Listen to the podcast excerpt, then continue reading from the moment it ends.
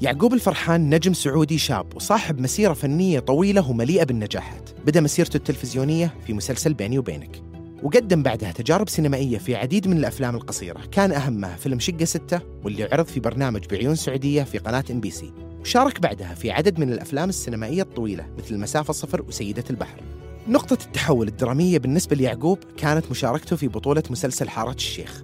وبعدها مشاركته في مسلسل العاصوف بدور جيمان العتيبي مقتحم الحرم. تنوعت أعمال يعقوب الفنية بعد هذا العمل حتى قدم العمل السعودي الأبرز هذا العام مسلسل رشاش العمل اللي حقق نجاح ومشاهدات عالية وكان يعقوب نجم فيه فوق المعتاد. وهذا الشيء خلاه يخرج من العباءة المحلية وأصبح نجم عربي قادم. معنا اليوم يعقوب الفرحان للحديث عن مسيرته الفنية الكبيرة وعن السينما السعودية مستقبلها وعن طموحاته العديدة في هذا المجال. وقبل ما نبدأ حلقتنا اليوم حاب أقدم شكر لحبايبنا في موفي سينما على دعمهم لحلقة اليوم ودعمهم المستمر لصناعة الأفلام السعودية. شكرا لهم وبسم الله بدينا. أنا ولدت عام 1982 في مدينة جدة 7 ديسمبر. والبرد قريب. تقريبا بين آه، بالضبط. صح. أي لا لا صح. أنا الآن داخل في شهري يعني. بين 8 و 9 الصبح تقريبا. أوكي. هذا الوقت آه، ترتيبي السادس والأخير. آخ العنقود بعد أحمد بعدين عبد الله بعدين سامية بعدين ثريا بعدين أسامة وآخر شيء أنا. بنت واحدة. يعني إحنا لا إحنا البنتين وأربع شباب. okay. سامي وثريا. سامية. حسبت قلت سامية. okay. ف آه، مولود في جدة طبعا. كلكم انولدتوا في جدة ولا؟ ال- أخواني واخوان أنا وأسامة انولدنا في جدة. okay. قبل أسامة؟ أكبر مني بسنة ونص يعني ما في ذاك الفرق بيني وبينه. قبل أخوانك وأمك آه، وأبوك؟ كلهم في في في عندنا في في بالجرشي في الباحة في, في القرية هناك انولدوا أنا فخور إن أنا مولود في الثمانينات في جدة. ليه؟ في 82 لأن يعني أنا قاعد أقول وأنا ب- يعني في في كذا في, في لحقت على على فترة كذا جميلة في جدة. آه، يعني أذكرها زي الناس أذكر الداون تاون في جدة يعني وال- والبلد ومكان المباني وال والمراكز كانت موجود موجودة في تيحي والمتولي والنيون كذا في جدة. يعني بتحس كأنه أنت في في منهاتن في السبعينات مثلا كذا في في هذا الاسبكت كذا كان موجود جدا وجدة حية كانت. يعني بالضبط. وما زالت بس يعني ذاك يعني- الوقت بشكل مختلف تماما. يعني و... وأحس كذا ب- يعني اذا أبغى أسوي شيء مثلا أنا مثلا حتى ب- له علاقة بال يعني بمدينة جدة أحب الفترة هذه. أحس ودي كذا أتكلم عن الفترة هذه. لأنه الفترة هذه أحس كذا ما ما ما حتكلم عنها كذا كفاية. صح. كيف كانت طفولتك هناك في جدة؟ يعني كنت في البيت أكثر الوقت ولا كنت ب- تطلع إيه. تشوف الدنيا ولا؟ يعني كنت إحنا كثير family يعني oriented تقول يعني كنا إحنا في البيت آه، آه، أو يمكن بحكم أنا أنا كنت الصغير يعني كمان كنت أكثر أنا كذا تعرف الصغير هو كل شيء كذا موجود. أنا واصل كل شيء اوريدي صاير يعني هذا أبوي وهذه أمي وهذول إخواني وإخواتي وأنا جا أنا مقفل الموضوع. أنا جاي كذا النقطة اللي في الأخير. آه، آه، الحمد لله يعني كنا في أسرة مرة متحابة. وقريبين من بعض آه، كانت جلستك في البيت أكثر ولا كنت تطلع وتروح وتتحرك برا؟ يعني قول مثلا بديت أطلع أو اتحرك في يعني كنا أكثر كان موضوع مثلا اللعب والظهور بالعائلة وأبناء العمومه يعني كده.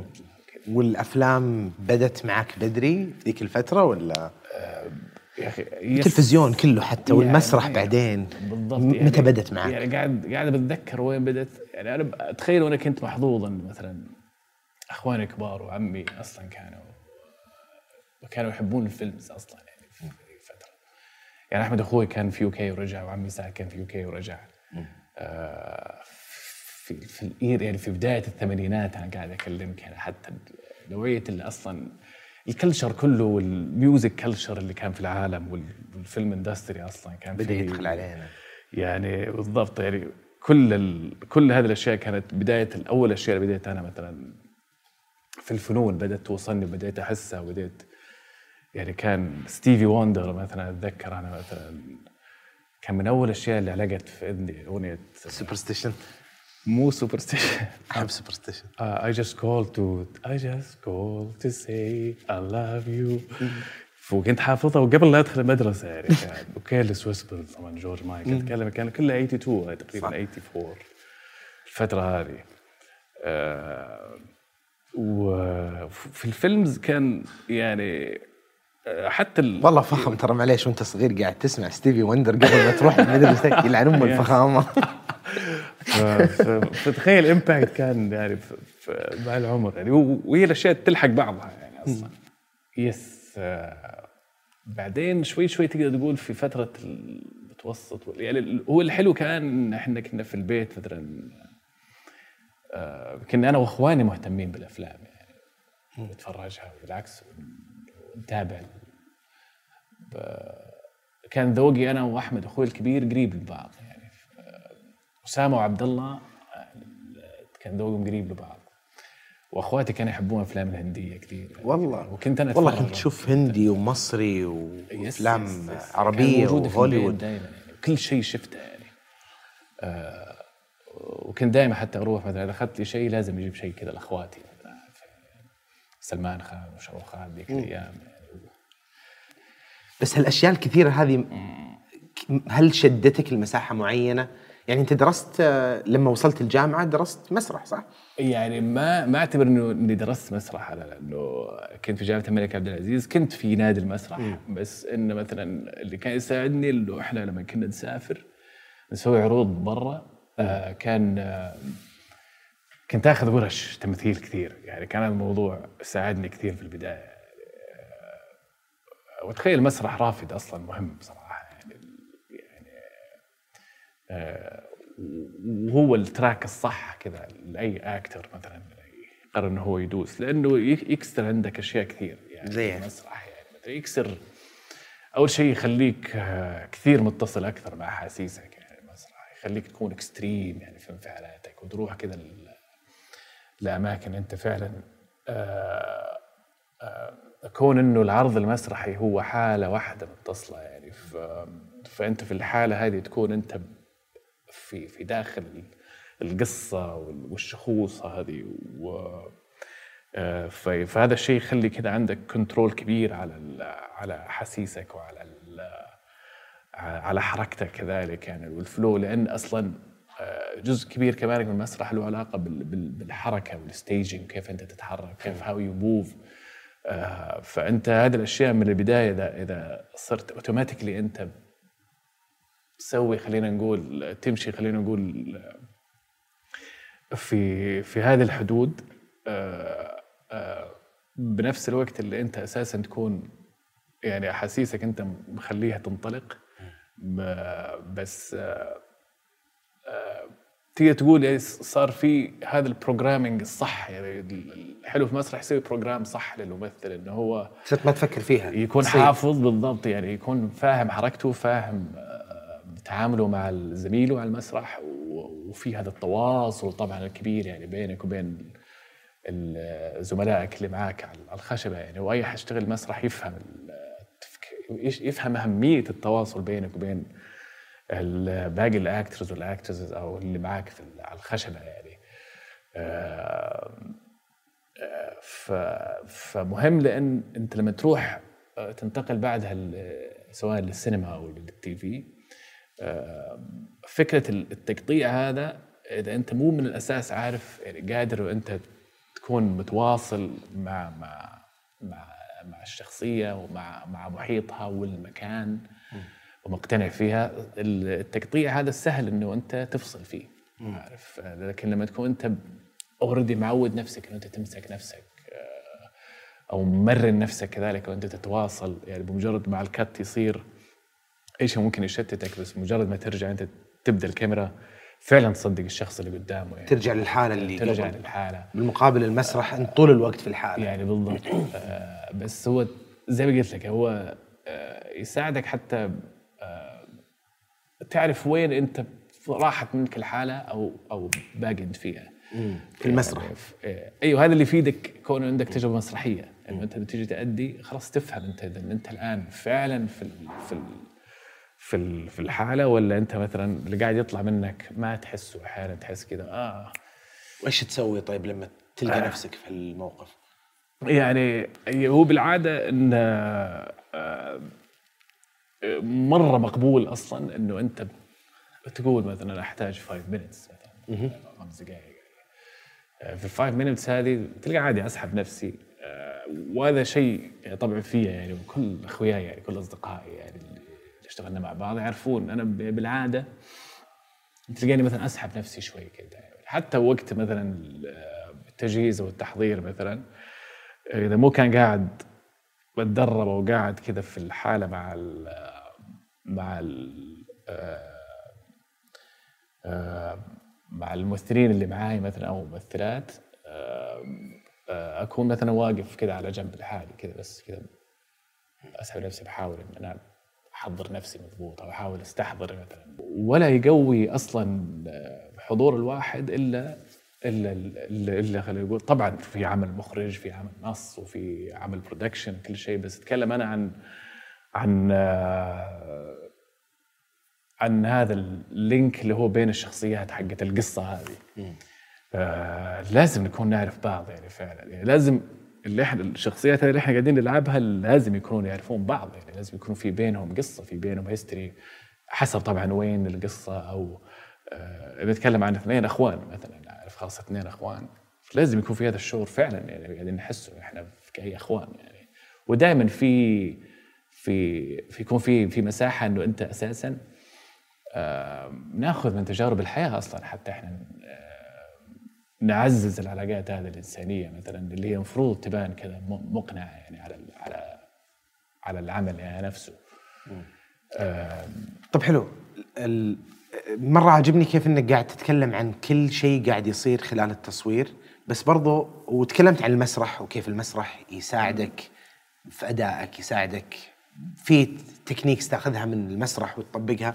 بس برضو اللي اللي أفهمه أنا بعد بفهمي المحدود للمسرح إنه المسرح يركز أكثر على الشخصيات على تقمص الدور على فهم الشخصية والأداء اللي يكون زي ما قلت ممكن يكون extreme ومبالغ فيه لأنك تبي الناس تسمعك والناس بعيدة صحيح. تشوفك. غير التلفزيون وال frame في وجهك أنت وتعابيرك مختلفة شوي. بس من ناحية تجهيز الشخصيات من ناحية خاصة بالأفلام أو المسلسلات. لما يجيك نص وعجبك وعجبتك الشخصية وقلت أحتاج أمثل هالدور كيف تروح تبني لها؟ كيف تتع... يعني تجهيزك للدور تجهيزك للشخصية؟ لأني عارف إنك يهمك كثير إنك تكون فاهم ومتقمص الشخصية ما هو مجرد مرة ثانية صح. اللاينات اللي عندي بقولها وبطلع.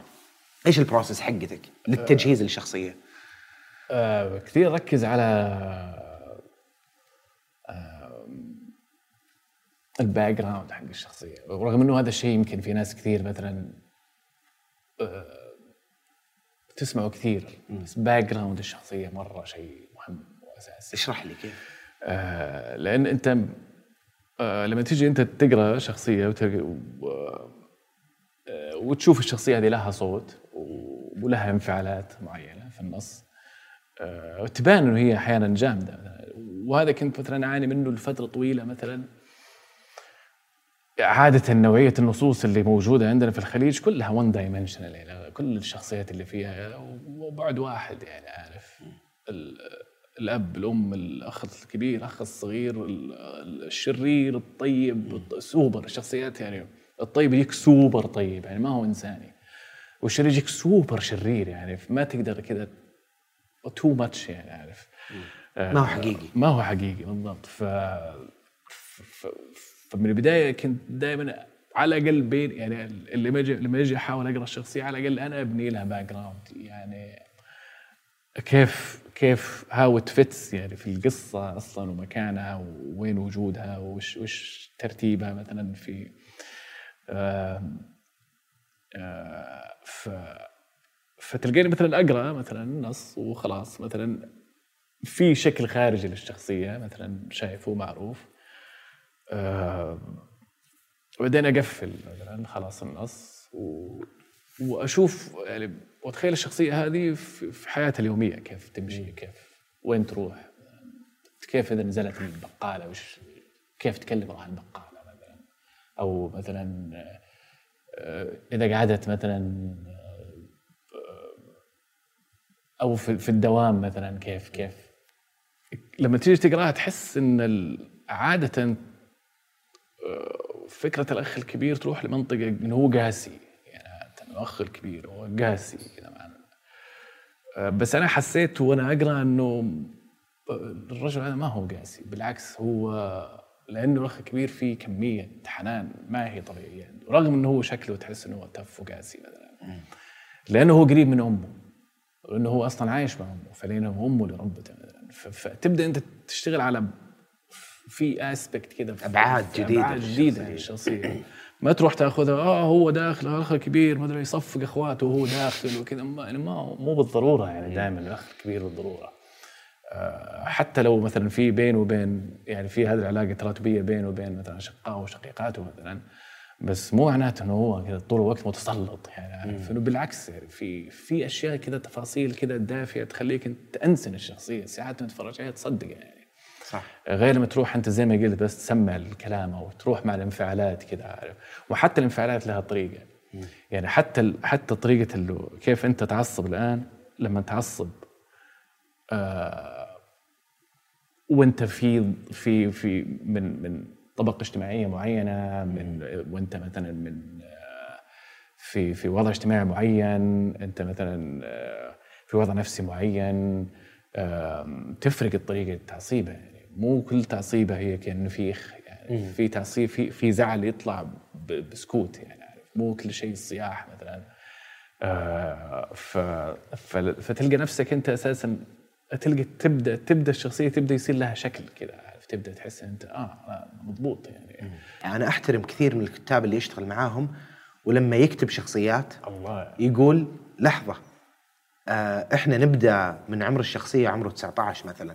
بس خلينا نتكلم بالتفصيل عن إيش صار له وهو صغير ارجع ارجع كثير يقولونها آه يسويها فيصل العامر كثير وأحترم هالشيء وأقدره فيه يقول الله يا عمي. ارجع يقول ارجع يقول ارجع ارجع وهو صغير إيش كان يسوي؟ كيف كان؟ ليش كان؟ آه أمه وأبوه كيف علاقتهم؟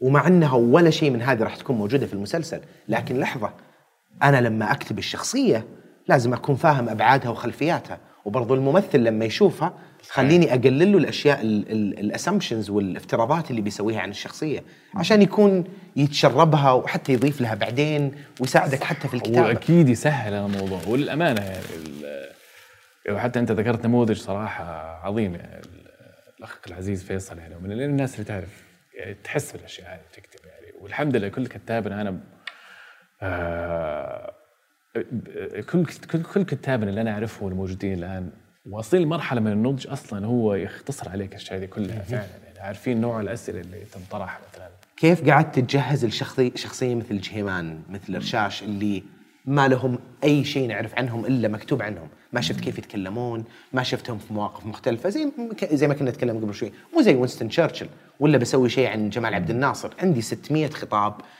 طريقة الكلام حركات. كيف؟ خذني في تجهيزك لهالشخصيات الثقيلة اللي كل أحد عينه عليك. غير طبعا جانب ثاني مختلف هو خلفيتك الجنوبية و- ونشأتك في جدة وتمثل شخصية بدوية بحتة. فالعين عليها فكيف كان التحدي هذا؟ كيف كانت البروسيس حقتك لتجهيز الشخصية وكيف عرفتها؟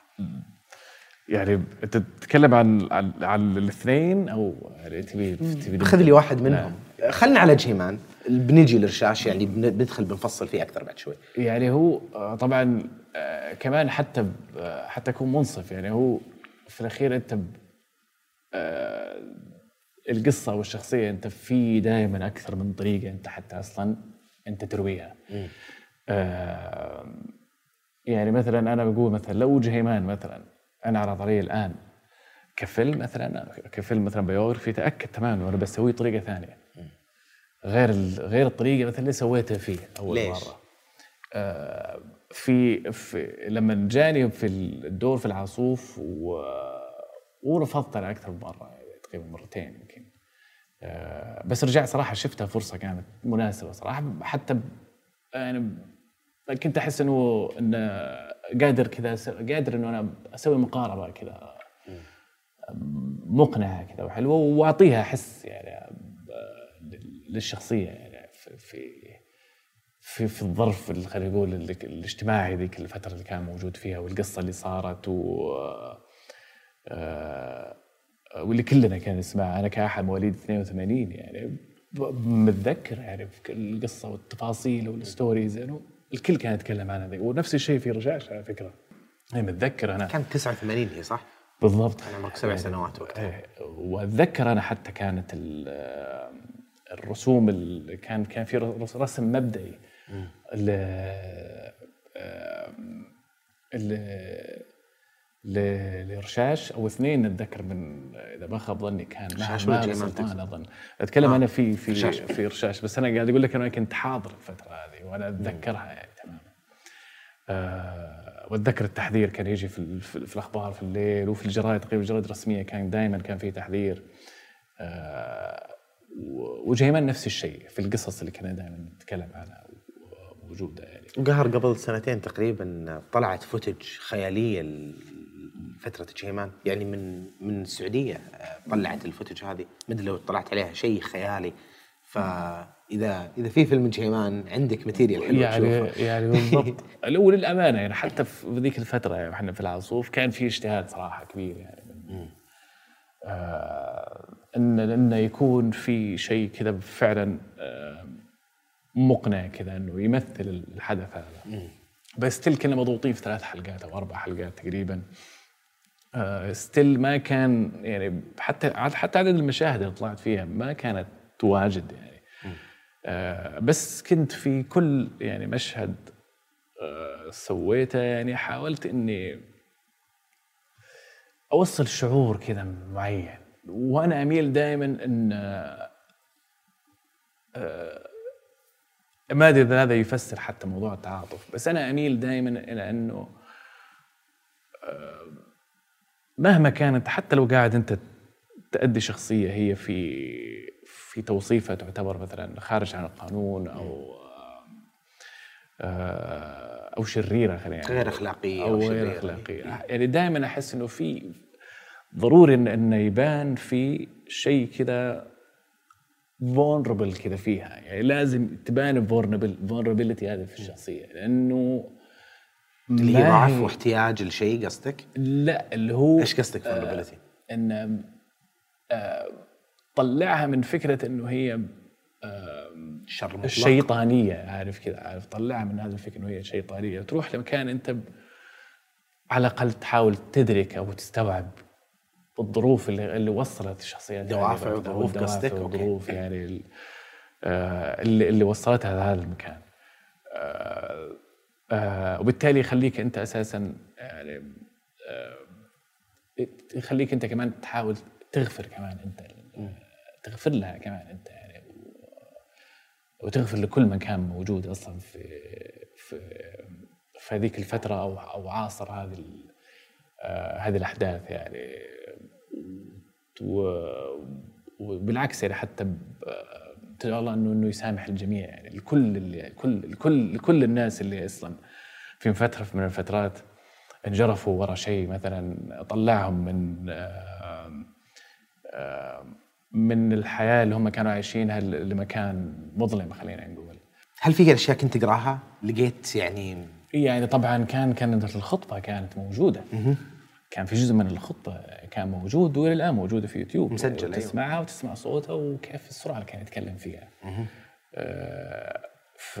فكان تقريبا هذا هو المرجع كذا وأنا كنت كان بالنسبة لي أصلا هذا أهم مشهد يعني في فرجعت الخطبة وسمعتها كثير كذا ورجعت للنص المكتوب وكان في أجزاء من نفس الخطبة اللي كانت موجودة. آه وكنت عارف قلت أنا إذا إذا اللحظة هذه سويتها صح الباقي بيكون يعني بيكون في تماهي مع القصة المكتوبة. بس أنا كنت مهم لأنه هذه اللحظة معروفة والناس يعرفونها ويسمعوها يعني. ف... ف...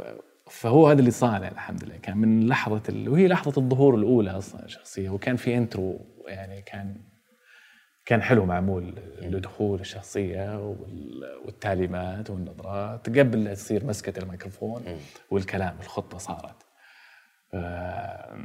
فحاولت إني بنفس النفس تقريبا حق حق الشخصية ونفس الانفعال وقاعد أتخيل أنا كذلك وقتها لأنه أصلا تصرف يعني يبغى له جرأة كبيرة يعني ما هو سهل أنت تطلع أنت آه، تقفل المكان و- وتقول للناس إن آه،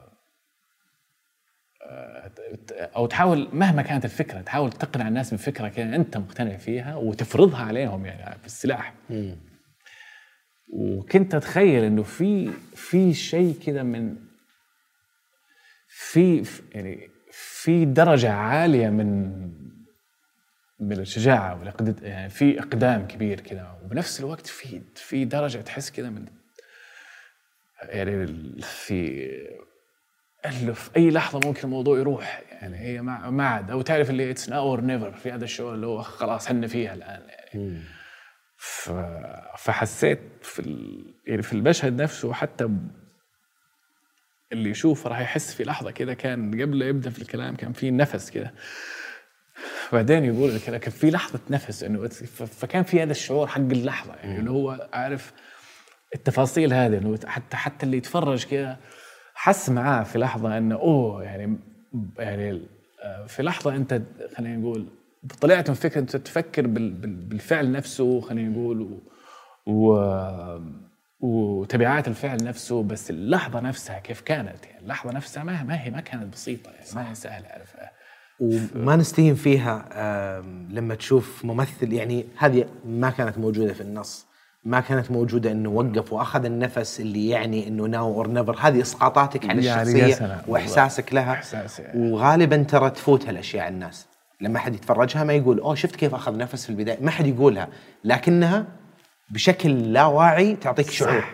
وهذا اللي يعجبني في كيف إنه في الأفلام والمسلسلات يعني في الفيلم ميكينج في الصناعة كلها انت قاعد تشوف ناس كثير فنانين في مجالاتهم صحيح. ويبنون صحيح. رسمات صغيرة انت ما تحس فيها ممكن تكون في عقلك اللاواعي صحيح. قاعدة تعطيك شعور معين بالضبط زي مثلا صح كلامك هو يعني زي ما قلت التفاصيل هذه ليش هي مهمة زي ما قلت مو بالضرورة لأنه هي أنت لازم تسويها لأنه هي آه لازم تبان الفكرة أنت لب- لما تحس فيها أو أو تسويها بالطريقة هذه هو هذا الانطباع اللي يعني هذا هذا الشيء اللي يخلق امباكت صح على المشاهد. زي مثلا استخدام الإضاءة مثلا وحتى استخدام الموسيقى في الأفلام استخدام ال- الالوان ومعانيها. آه، آه، وزي ما قلت أنت يعني في في كل ديبارتمنت أصلا من من من صناعة فيلم أو مسلسل أو حاجة. آه هذه التفاصيل اللي هي لها لها علاقة بالخلق ال- ال- خلق الحالة النفسية الاجتماعية آه آه آه اللي تقوي مثلا القصة وأحداثها والصراعات اللي فيها و- وعلاقة الشخصيات ببعض. هو هو هذا. يعني ف- لما عشان كذا نرجع نقول ما هو سهل إنه أنت تكتب مثلا نص أو أنت مثلا تنتج مشروع أو أنت تسوي فيلم أو مثلا لأن لازم تهتم بالتفاصيل هذه كلها يعني لازم تعطيها أولوية ولازم تاخذ وقتك أنت في موضوع أنت تكتب. وحتى الممثل لازم ياخذ وقته مثلا هو يشتغل ال- آه، السينماتوجرافر لازم ياخذ وقته هو يقعد في يفكر بال بالشات ليست تبعه كيف يبغى يروح من وين ياخذها كله هذا بناء على القصة نفسها والحالة النفسية للشخصيات وال والنوع الجارة نفسها انت وين تبغى وين تبغى تروح أصلا؟ كيف تبغى تقول؟ راح أجي للرشاش أي. بس ترى أبيك تستوعب إنه إنه في استطراد. كنت توك داخل الجامعة أنت. أيوه أيوه صح. خلينا نرجع لل timeline حقنا للجامعة. و إيش تخصصت؟ وكيف دخلت المسرح؟ أول مرة شفت المسرح وقلت أبي أدخل فيه، أبي أسوي هالشيء، وصف لي التجربة. في جامعة الملك عبد العزيز في جدة آه، في نادي المسرح. طبعا واتذكر كان موجود في النشاط آه، كان موجود مركز النشاط الطلابي يعني موجود في الجامعة. كان في إعلان دائما هناك انه عارف لكل الأنشطة اللي موجودة. يعني كان من بينها شيء اسمه نادي المسرح كان موجود. ولا عفوا ولا دخلت المسرح في الثانوي ما ما كان لك احتكاك فيه؟ يعني ما اي يعني قبلها ما كان في شيء غير الأشياء اللي كنت مثلا غير الاستهبالات اللي كنت أسويها مثلا مع إن كان في الأشياء اللي صورتها مثلا في البيت بس, يعني ما شاركت في نادي المسرح ومسابقات ما كنت في عالم المسرح ما من دخلت في هذا حلو. الموضوع بس فالجامعة هي كانت دخلتك عليه اي يعني بالضبط حلو. ولا يعني فعليا الجامعة بمجرد ما دخلت المسرح في الجامعة كان على طول بنفس الوقت دخلت جمعية الثقافه والفنون في جدة يعني فكنت في المكانين يعني موجود آه وأيام أيام حلوة والله كانت. واضح في 600 سالفه لا ما تنفع ما تنفع ما تنفع ما تنفع ما تنفع.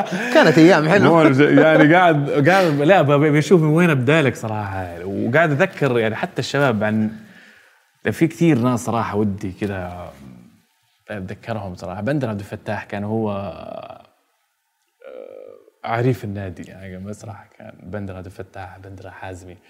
كان موجود في الرياض طبعا الآن بندر ولا زال ما شاء الله عليه من النشيطين يعني من الشباب النشيطين في المسرح. آه، فهو بندر اللي لأن أتذكر جيت قعدت أسبوع آه، ولا ارتحت وطلعت. بعدها تقريبا كذا بكم شهر كان بندر عنده مسرحية مونودراما كان من بطولته. آه وكانت من إخراج آه محمد الجفري الله يمسيه بالخير. آه كان محمد الجفري طبعا مخرج كان دارس في المعهد العالي في الكويت متخرج معاه في عام 84 كان تخرج المعهد العالي في الكويت. آه وهو من يعني من الأكاديميين كذلك موجودين في في السعودية وكان موجود في جده يعني وهو في جدة كان موجود في جدة ذيك الأيام وهو اللي كان راح يخرج مسرحيه البندر. آه فكلمني بندر قال يعني please إذا ممكن تكون معي قال لي بس قال لي مهم إنه أنت تتعرف على محمد الجفري وتستفيد منه يعني كأحد دارس أصلا آه و وتعال شوف البروفات شلون تصير تعال شوف كيف كيف الأمور راح آه وبنفس الوقت كان في أصلا مهرجان المونودراما كان يقام في الرياض. فكانت الفكرة إنه إحنا بنسوي بروفات ونروح نعرض المسرحية في الرياض. مهرجان المونودراما الأول كان ذيك الأيام. آه يا اتذكر يعني الاستاذ رجل عتيبي كذلك كان هو كان كان هو تقريبا مؤسسين المهرجان. الدكتور شادي عاشور كان موجود ذيك الأيام.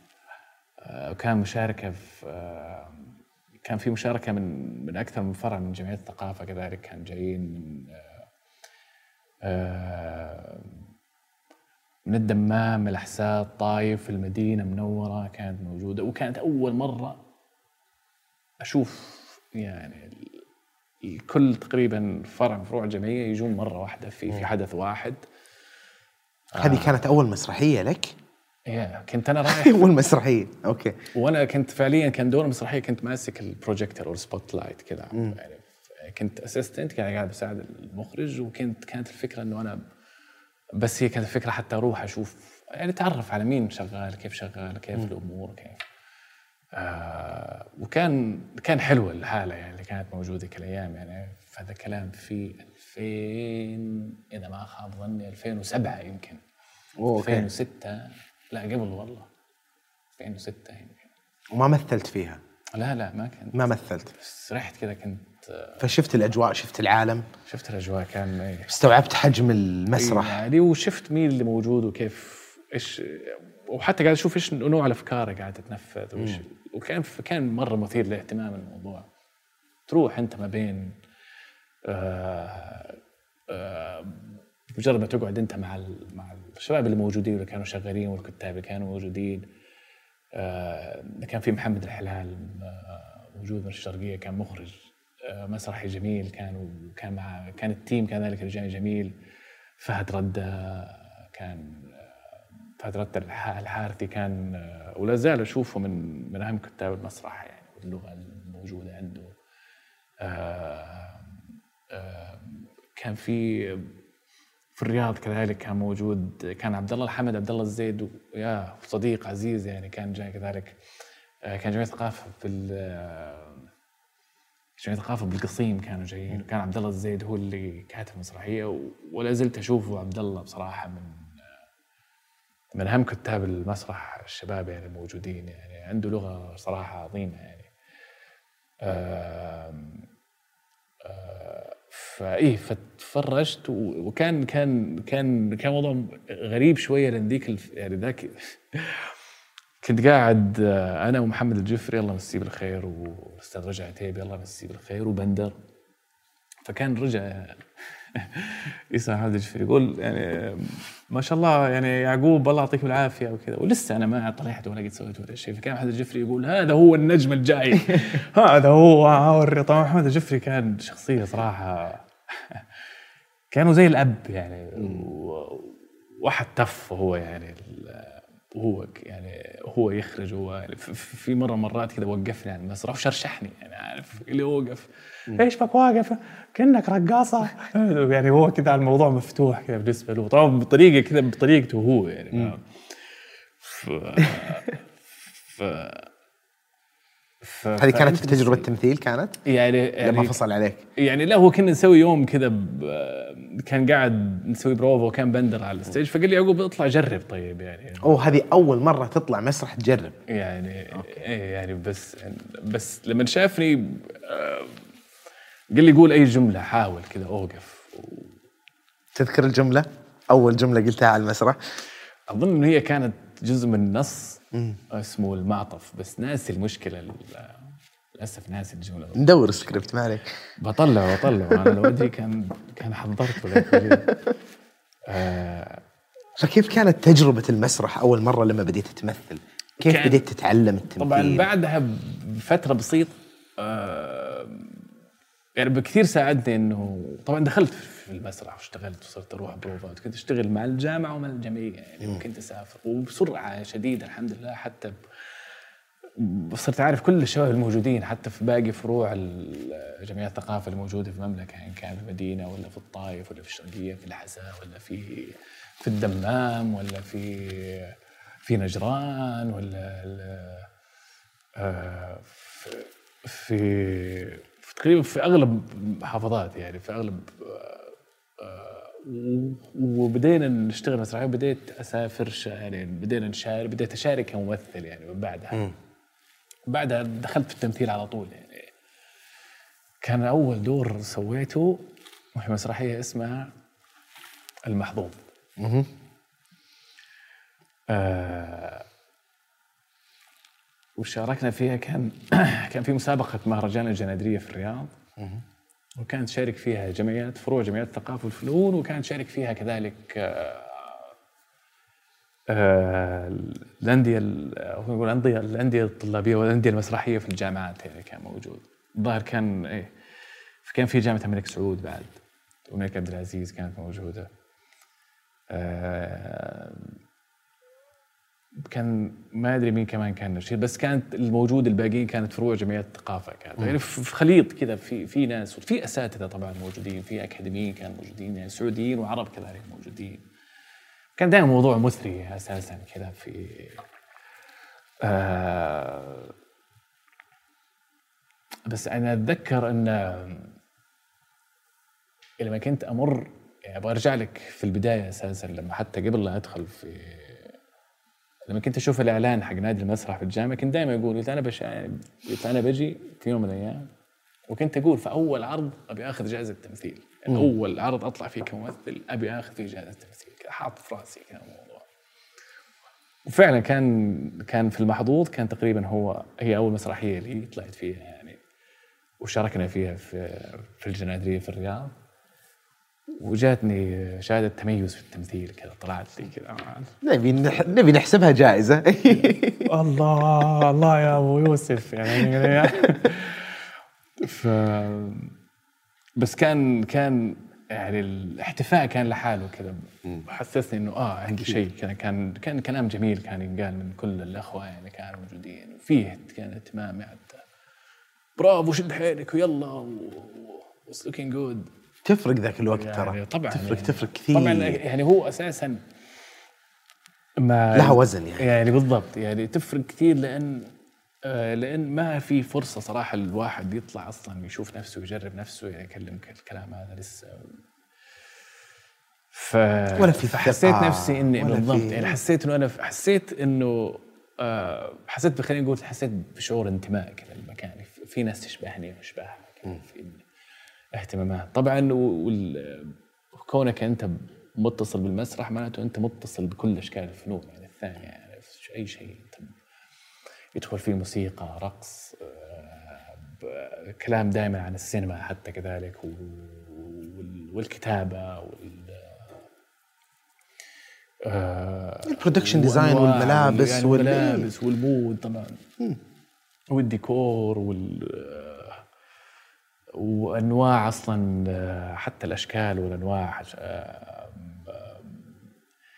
آه، وش وقوانين المسرح أصلا كذا وخلينا نقول كمكان أصيل يعتبر دائما كذا في كذا تحس المسرح فيه له كذا برستيج معين برستيج وتاريخ كذا معين وتاريخ. آه، آه، وكنت كان كنت كنت أحب أتابع كنت أنا ب- الممثلين الإنجليز بشكل عام يعني كنت أحب أتفرج عليهم لأنه هم فعليا كثير مسرحيين يعني. آه، كان من أول حتى ال من أول الممثلين اللي شدوني يعني كان بيتر أوتول ممثل الممثل الانجليزي وكان هو بطل لورنس اوف اريبيا طبعا. آه، آه، وشفت كل أفلام بيتر أوتول وكنت انتبه يعني رغم إنه هو ممثل سينما بس كنت أقول عنده حضور مسرحي طول الوقت بيتر أوتول يعني. أوصف لي إياه. إيش اللي شفته من ممثل سينمائي له خلفية مسرحية؟ كيف يختلف عن شخص بدأ يمثل؟ آه، ما يعني ما أبغى أفرقك ما أبغى أفرقه عن غيره بس يعني أنا أعرف بالضبط إيش كان إيش كان بيتر أوتول يعني يسوي.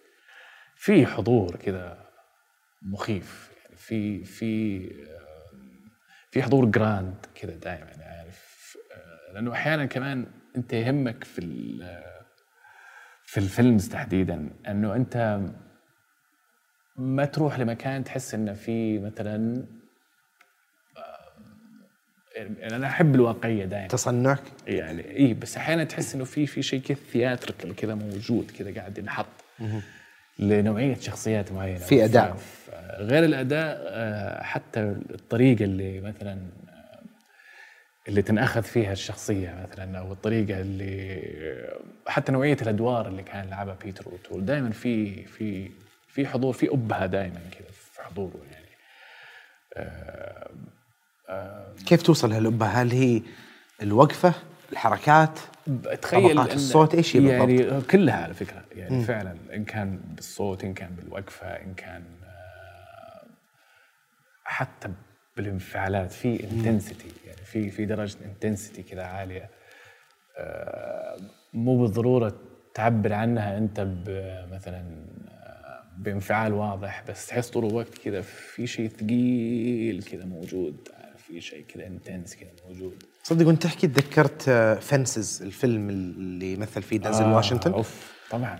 خيالي والأداءات كانت مختلفة عن دنزل واشنطن اللي دائما يقولون دنزل واشنطن هو دنزل واشنطن في كل أفلامه. دنزل ما يمثل شخصية ثانية يمثل بس لسه كويس. شوف دنزل في أي مكان. هذاك الدور كان مختلف تماما. بعدين استوعبت إن فنسز أصلا هي مسرحية. يمثلها ومبنية على صحيح. طب أنت الحين جلست 35 سنة في الجامعة. بعدين تخرجت. بعدها على طول إيش سويت؟ هل رحت وظيفه ولا خلاص لا لا, لا أنا كنت يعني آه، كنت مصر أكمل يعني وخلاص أنا صرت عارف ان مثلا آه، إذا أبي فعلا أوصل أو إني مثلا آه، أكون بروفيشنلي كذا قاعد موجود كممثل يعني لازم كذا أكمل يعني ما أوقف صراحة. وحتى مع إنه ما كان في أي ابدا. فرص مالية جايتك. فعلاً أنت اللي صح. قلت خليني باخذ هالتحدي يعني بالضبط يعني كنت شوي كذا في فترتها هيبي كذا يعني. يعني آه، آكل متى ما أقدر آكل. واللي أنام يصير في أي يصير. مكان يعني عارف كنت والله طولت كذا؟ يعني. آه طبعا طبعا. أحب هشام فقيه عاش الحياة هذه فترة طويلة وأغبط عليه. حبيبي هشام موت فيه هشام. بس كمان لأنه كان المسرح وكان المسرح دائما مرتبط أصلا بال بال رغم إنه كل شيء له علاقة بالخشبة كذا جراند يعني بس هو فعليا الناس اللي, اللي قاعدة تشتغل في المسرح واللي في هذا العالم العالم المسرح ب- يتصفون كذا ب آه، في في كذا بساطة كذا في التعامل مع الأشياء. آه، رغم إنه في كذا أحيانا تحس كذا في آه، في آه، يعني يعني في في درجة كذا من النخبويه كذا موجودة بس هو بطبيعته المسرح أصلا فن سهل يعني مو سهل في تنفيذه بس عناصره يعني يعني المسرح يعتبر من الفنون الفقيرة. تقدر أنت تسوي مسرحية أنت بأبسط الأشياء. يعني ما أنت آه، تقدر تستخدم الرمزية في كل شيء. يعني ما أنت مضطر اذا بتسوي بيت تبني بيت مثلا. أشياء بسيطة خلاص أنت ببيت. حتى ملابس الشخصية مثلا أو وضع اجتماعي أشياء كذا لمسات كذا بسيطة. حلو. آه ف فكيف كان فك... فذيك الفترة؟ كان في ستراجل طبعا يعني كنت منتف يعني ذيك الفترة يعني بس كنت كذا كنت مسحور يعني مأخوذ بالمكان هذا مرة. آه وكنت عارف انه أنا لازم في خطوة انه أنا أطلع على التلفزيون بس مش ما أدري شلون. آه فجيت على الرياض كانت يعني عام كم؟ متى جيت الرياض؟ يمكن 2008 يمكن. حلو. 2008 تقريبا لسه يوتيوب بيبدأ. لسه صح بيبدا صح إيه. بالضبط. آه وكان من حسن حظي كان أو أول مسرحية سويتها في الرياض كانت اسمها السيمفونية الثانية مهم. وكان آه كان معايا في البطولة آه أسامة القس مهم.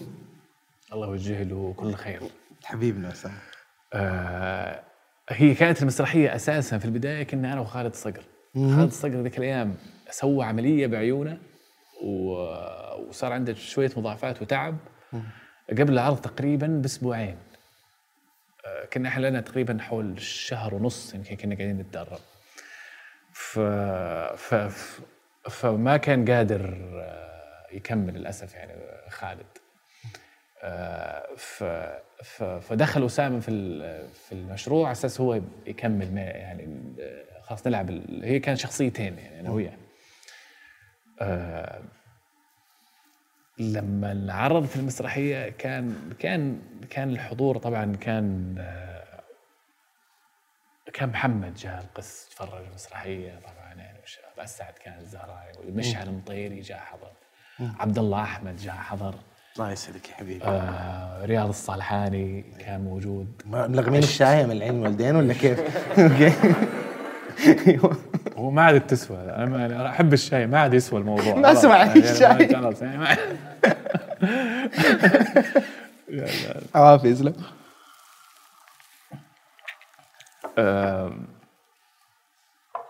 بعد المسرحية بفترة كلمني عبد الله أحمد قال لي أنا عندي فيلم. أوه. وهو على أساس من إخراجه. طبعا الفيلم هذا يعني كان على أساس فيلم قصير يعني بنسويه. طول ذيك الفترة كان الشباب تلاشي وقت تلاشي يعني صح؟ بالضبط اي يعني بدأوا- 2008 وكنت توني قاعد بديت اتعرف على الشباب يعني في في تلاشي. آه والامانه ملهمين صراحة يعني الكل. يعني حسيت كذا إني وصلت كذا قعدت مع في مكان فعلا كذا في تعرف اللي هو الشعور كذا كان لفترة طويلة يمكن كان عندي الإحساس إن أنا بالحالي يمكن كذا في, في إيش أفكر وإيش نفسي يصير. آه لما تعرفت على الشباب صراحة كان كان ملهم اللي يسوونه طبعا يعني كان أبسط الأشياء بدون أشياء. يعني ولا في شيء بالضبط ولا ولا لا في ولا فلوس ولا شيء يعني بس كذا في حب. كاميرا وصلنا. يعني وال... وكان الحب هذا يعني كلنا نحس فيه يعني آه، فسويت الفيلم مع عبد الله و عبد الله أحمد. طبعا كان كانت القصة بسيطة هي المفروض إن القصة كلها تصير في مكتب. كنا قاعدين ندور على مكتب ذيك الأيام أه وحصلنا مكان كان بس يفضى يوم الجمعة. ف كنا كل أسبوع نجي يوم الجمعة نصور نقعد كذا نحوس كذا لين نطلع شيء. يعني قعدنا يمكن شهر يعني. هو فيلم قصير المفروض قعدنا شهر يعني كل جمعة نجي كذا نحفل. في مرة مرات جاء عبد المحسن الطهيري مسك معنا صوت. ذيك الأيام. عبد العزيز النجيم كان موجود معنا كمان كان يساعدنا وكان معي حسام بخش الله يوجه له. كل خير. كنا أنا وهو يعني بطولتنا تقريبا الشورت. آه، وحتى كان بقي مشهد أخير وكان الفكرة إنه المشهد الأخير هذا يتصور في حمام عمومي. الله يعزك ويعز السامعين. ولا كان ولا كنا ندري يعني وين نروح. في ذيك الفترة كنا بعدها بشهر كذا كنا نقعد دائما في العقارية في في المقاهي العقارية معروفة. كانت تقفل. إيه. بس جوة المول آه، كانت كراسي تبقى موجودة يعني والكافي مقفل. كنا نقعد إحنا في الكراسي يعني. واللي تشطيف الناس. يعني يا سلام. بالضبط. ف ف فانت- فانتبهنا إنه آه ممكن نصور إحنا داخل دورات المياه اللي في العقارية. فجاب الكاميرا ودخلنا صورنا المشهد الأخير. طبعا يعني إيش يعني BBM؟ إيش يعني- يعني جهزنا؟ شباب نصور نصور. خلاص روح يعني اي أي حاجة. بس انه كان في حب يعني صراحة. طبعا الفيلم هذا ما طلع يعني. يعني الآن ودي يطلع. أحس بيكون بيكون interesting صراحة يعني. ما شفت ال final cut منه؟ لا يعني. أنت مثلت ومشيت ما يعني تدري. يعني كلمت عبد الله أبي أشوف كذا يعني. no يعني ما ما, ما, ما ينفع. وش أخذت من المسرح وطبقت هناك تحس؟ ولا ما كانت واضحة لسه؟ كنت لسه تمثل؟ يعني آم، آم، كنت يعني كنت أعتبر نفسي إنه أنا مشاهد جيد للسينما يعني حتى أنا من قبل لا أجي أتعرف على الشباب كنت already أصلا كنت قاعد أشوف آه، آه، كان شفت كان أول فيلم كان من أول يعني من أول فيلم شفته لعباس كيروستامي كان Through the Olive Trees فيلم نزل في 94 تقريبا قدرت أشوفه تقريبا في 99 أو 2000 في جدة ذيك الأيام. كنت already كنت قاعد أتفرج على يعني كنت قاعد أتفرج أفلام سينما كنت أدور على أشياء حتى الأفلام الفنية مش بس هوليوود بالضبط ال- يعني إيه كنت كنت أكثر تجارية. بالعكس كنت أميل كثير للأفلام حتى اللي هي مو ناطقة بال English يعني أي شيء European ياباني. Three Colors كيشلوفسكي ميكايل هينيكي Piano Teacher يعني الأشياء هذه كلها كنت شفتها already يعني كذا وصلت كذا وقعدت مع الشباب already كانوا هم ما شاء الله عليهم أصلا كانوا يعني تعرفت أكثر يعني دخلت أكثر في جو فهم أصلا ال films وال film making والأشياء هذه كان في passion صراحة. الشباب في الجهة المقابلة كانوا مبسوطين وفي ممثل شايف الأشياء هذه. أوه جاي من المسرح. وهم كانوا متعمقين ترى في يعني آه السينما يعني ال- بالضبط يعني إيه. الفنية. فكان كانت الفكرة okay يعقوب الآن يعني ها يعني تطلع كذا بس إنه كان في لسه still هذا struggle يعني كلنا قاعدين نكتشف أنفسنا يعني بس آه يعني كيف مثلا طلعت أنا من البس أنا بالنسبة للتلفزيون كان عندي ستراجل فيه يعني أكثر من السينما يعني. والله. لأنه كان كيف؟ ليه؟ آه لأن كنت دخلت في موضوع مثلا 30 حلقة ودخلت في في ال- نفسها غير. في الايوه يعني وفي واعترف يعني. طبعا نضجني هذا الشيء لأن إنك تقعد تصور 20 مشهد في اليوم ولا يعني أتذكر كان يعني في اول من أول الاشياء اللي سويتها آه، كان عامل 30 حلقة وجاني بطولة. يعني أنا كنت طلعت ضيف ما قصروا الشباب يعني طلعت في أم الحالة تو أذكر. ضيف. أذكر. كان كان مشهد مع سعد الزهراني كان أنت وأتذكر وصلت كان كان الشعور حلو في الست في في أم الحاله يعني تام الصيف كان يصورون في بيروت، صح؟ ال- الثاني كوميدو أظن كان في بيروت كوميدو كان في أم. الحالة في في سوريا ذيك سوريا، الأيام okay. صور. آه آم، حتى أتذكر خلص التصوير أم الحالة وكان كان بدت حتى الأحداث كان في سوريا بدت في ذيك الفترة كان صح 2010 يمكن 9 2010 بس هل كان كيف كان شعورك لما دخلت set كبير ال crew اللي فيه جيش كامل مقارنة يعني بتجارب طلعت من؟ ال comfort zone أنا هنا يعني كنت مثلا أعرف الشباب يعرفوني يعرفون أنا كويس خلاص يعني مثلا حتى لو قاعد أخبص يعقوب. يمديك؟ يعني أيوه إي ما كذا لا وعادي يعني وحتى لو وحشوني عادي يعني أخويا يا عمي عادي. بس لما دخلت كذا طلعت أنا من رحت الإمارات ذيك الأيام أصور. كان عامل 30 حلقة يعني. و وجاني الدور الرئيسي في العمل. آه، أتذكر كنت يعني مفجوع يعني فجأة كان يعني قد ما كان في عالم؟ يعني إي يعني و... وإبراهيم الحربي أبوي عارف يعني وكان في يعني كان في ممثلين أعرفهم يعني اتفرج عليهم في التلفزيون يعني يطلعون يعني في آه، فكنت يعني جاء وقت إنه خلاص الآن أنا as actor دحين المفروض أنا أسافر أشتغل مع الناس في كل مكان يعني ما عاد الموضوع. فطلعت من مساحة المسرح وطلعت من جو ال shorts والأشياء اللي كنت أسويها مع الشباب والحماس. آه إلى إنه لا صرت خلاص أنا يعني قاعد أكمل في الشيء اللي أنا من الأساس أساسا بديت فيه. أنا actor الآن يعني وطبيعي أروح أطلع أسافر أشتغل هنا وهنا وأروح يعني.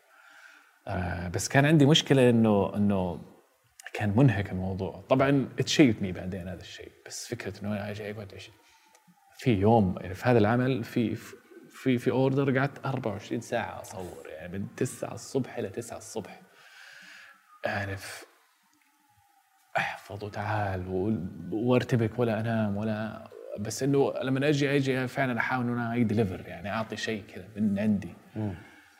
آه آه شوي شوي بدأت الثقة في النفس تزيد الحمد لله. يعني كان يعني حتى في أول عملين سويتها يعني في التلفزيون كان كان في نجاح يعني يعتبر جيد يعني في أول ظهور كذا لي على التلفزيون. بس ستيل بعد كذا كان في هذا استراجل إني أسوي شيء فعلا أنا أحبه. أو إني مثلا خلاص أنا أكمل في في في المسلسلات. وما كنت يعني آه، صرت هنا بد- بدا موضوع إني أنتقي يعني. وكان صعب إني أنتقي لأنه لسه يعني فعليا ما تقدر تقول أنا والله سويت نيم يعني مثلا لي. آه بس كنت قاعد أحاول أوزن الأمور وكنت أحاول أنا ما أسوي شيء مثلا ما أحس إن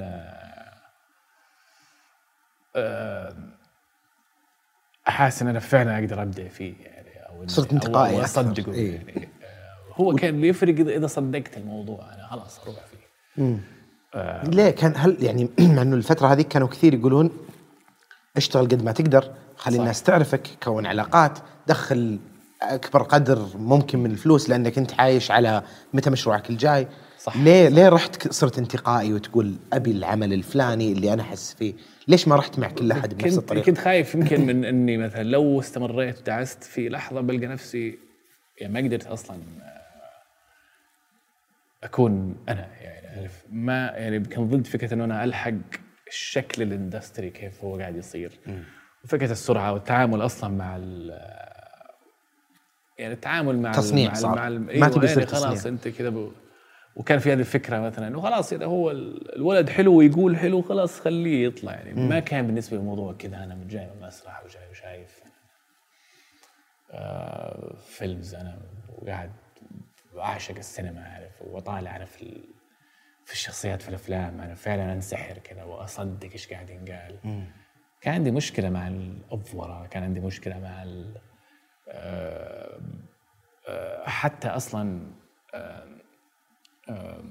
الإنرجي حقت ما هي ما هي يعني ما هي ما كنت أشوفها مكان للإبداع بصراحه أكثر من إنه كان زي ما قلت أنت كذا في ماكينة. تصنيع. آه ويلا آه فعارف انه ما بسوي شيء صراحة في مكان يعني فقلت خليني بنفس الوقت أعطي نفسي في أي تجارب أحسها كذا صادقة آه وديفرنت وأعتبر نفسي محظوظ صراحة إنه أنا في ناس يعني في الطريق قابلتهم والتقينا يعني, يعني رجوعا على على سيدة البحر وشاهد أمين.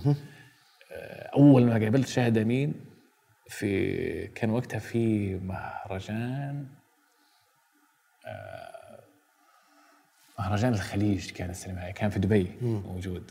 آه، آه، الله يمسيه بالخير محمد سندي.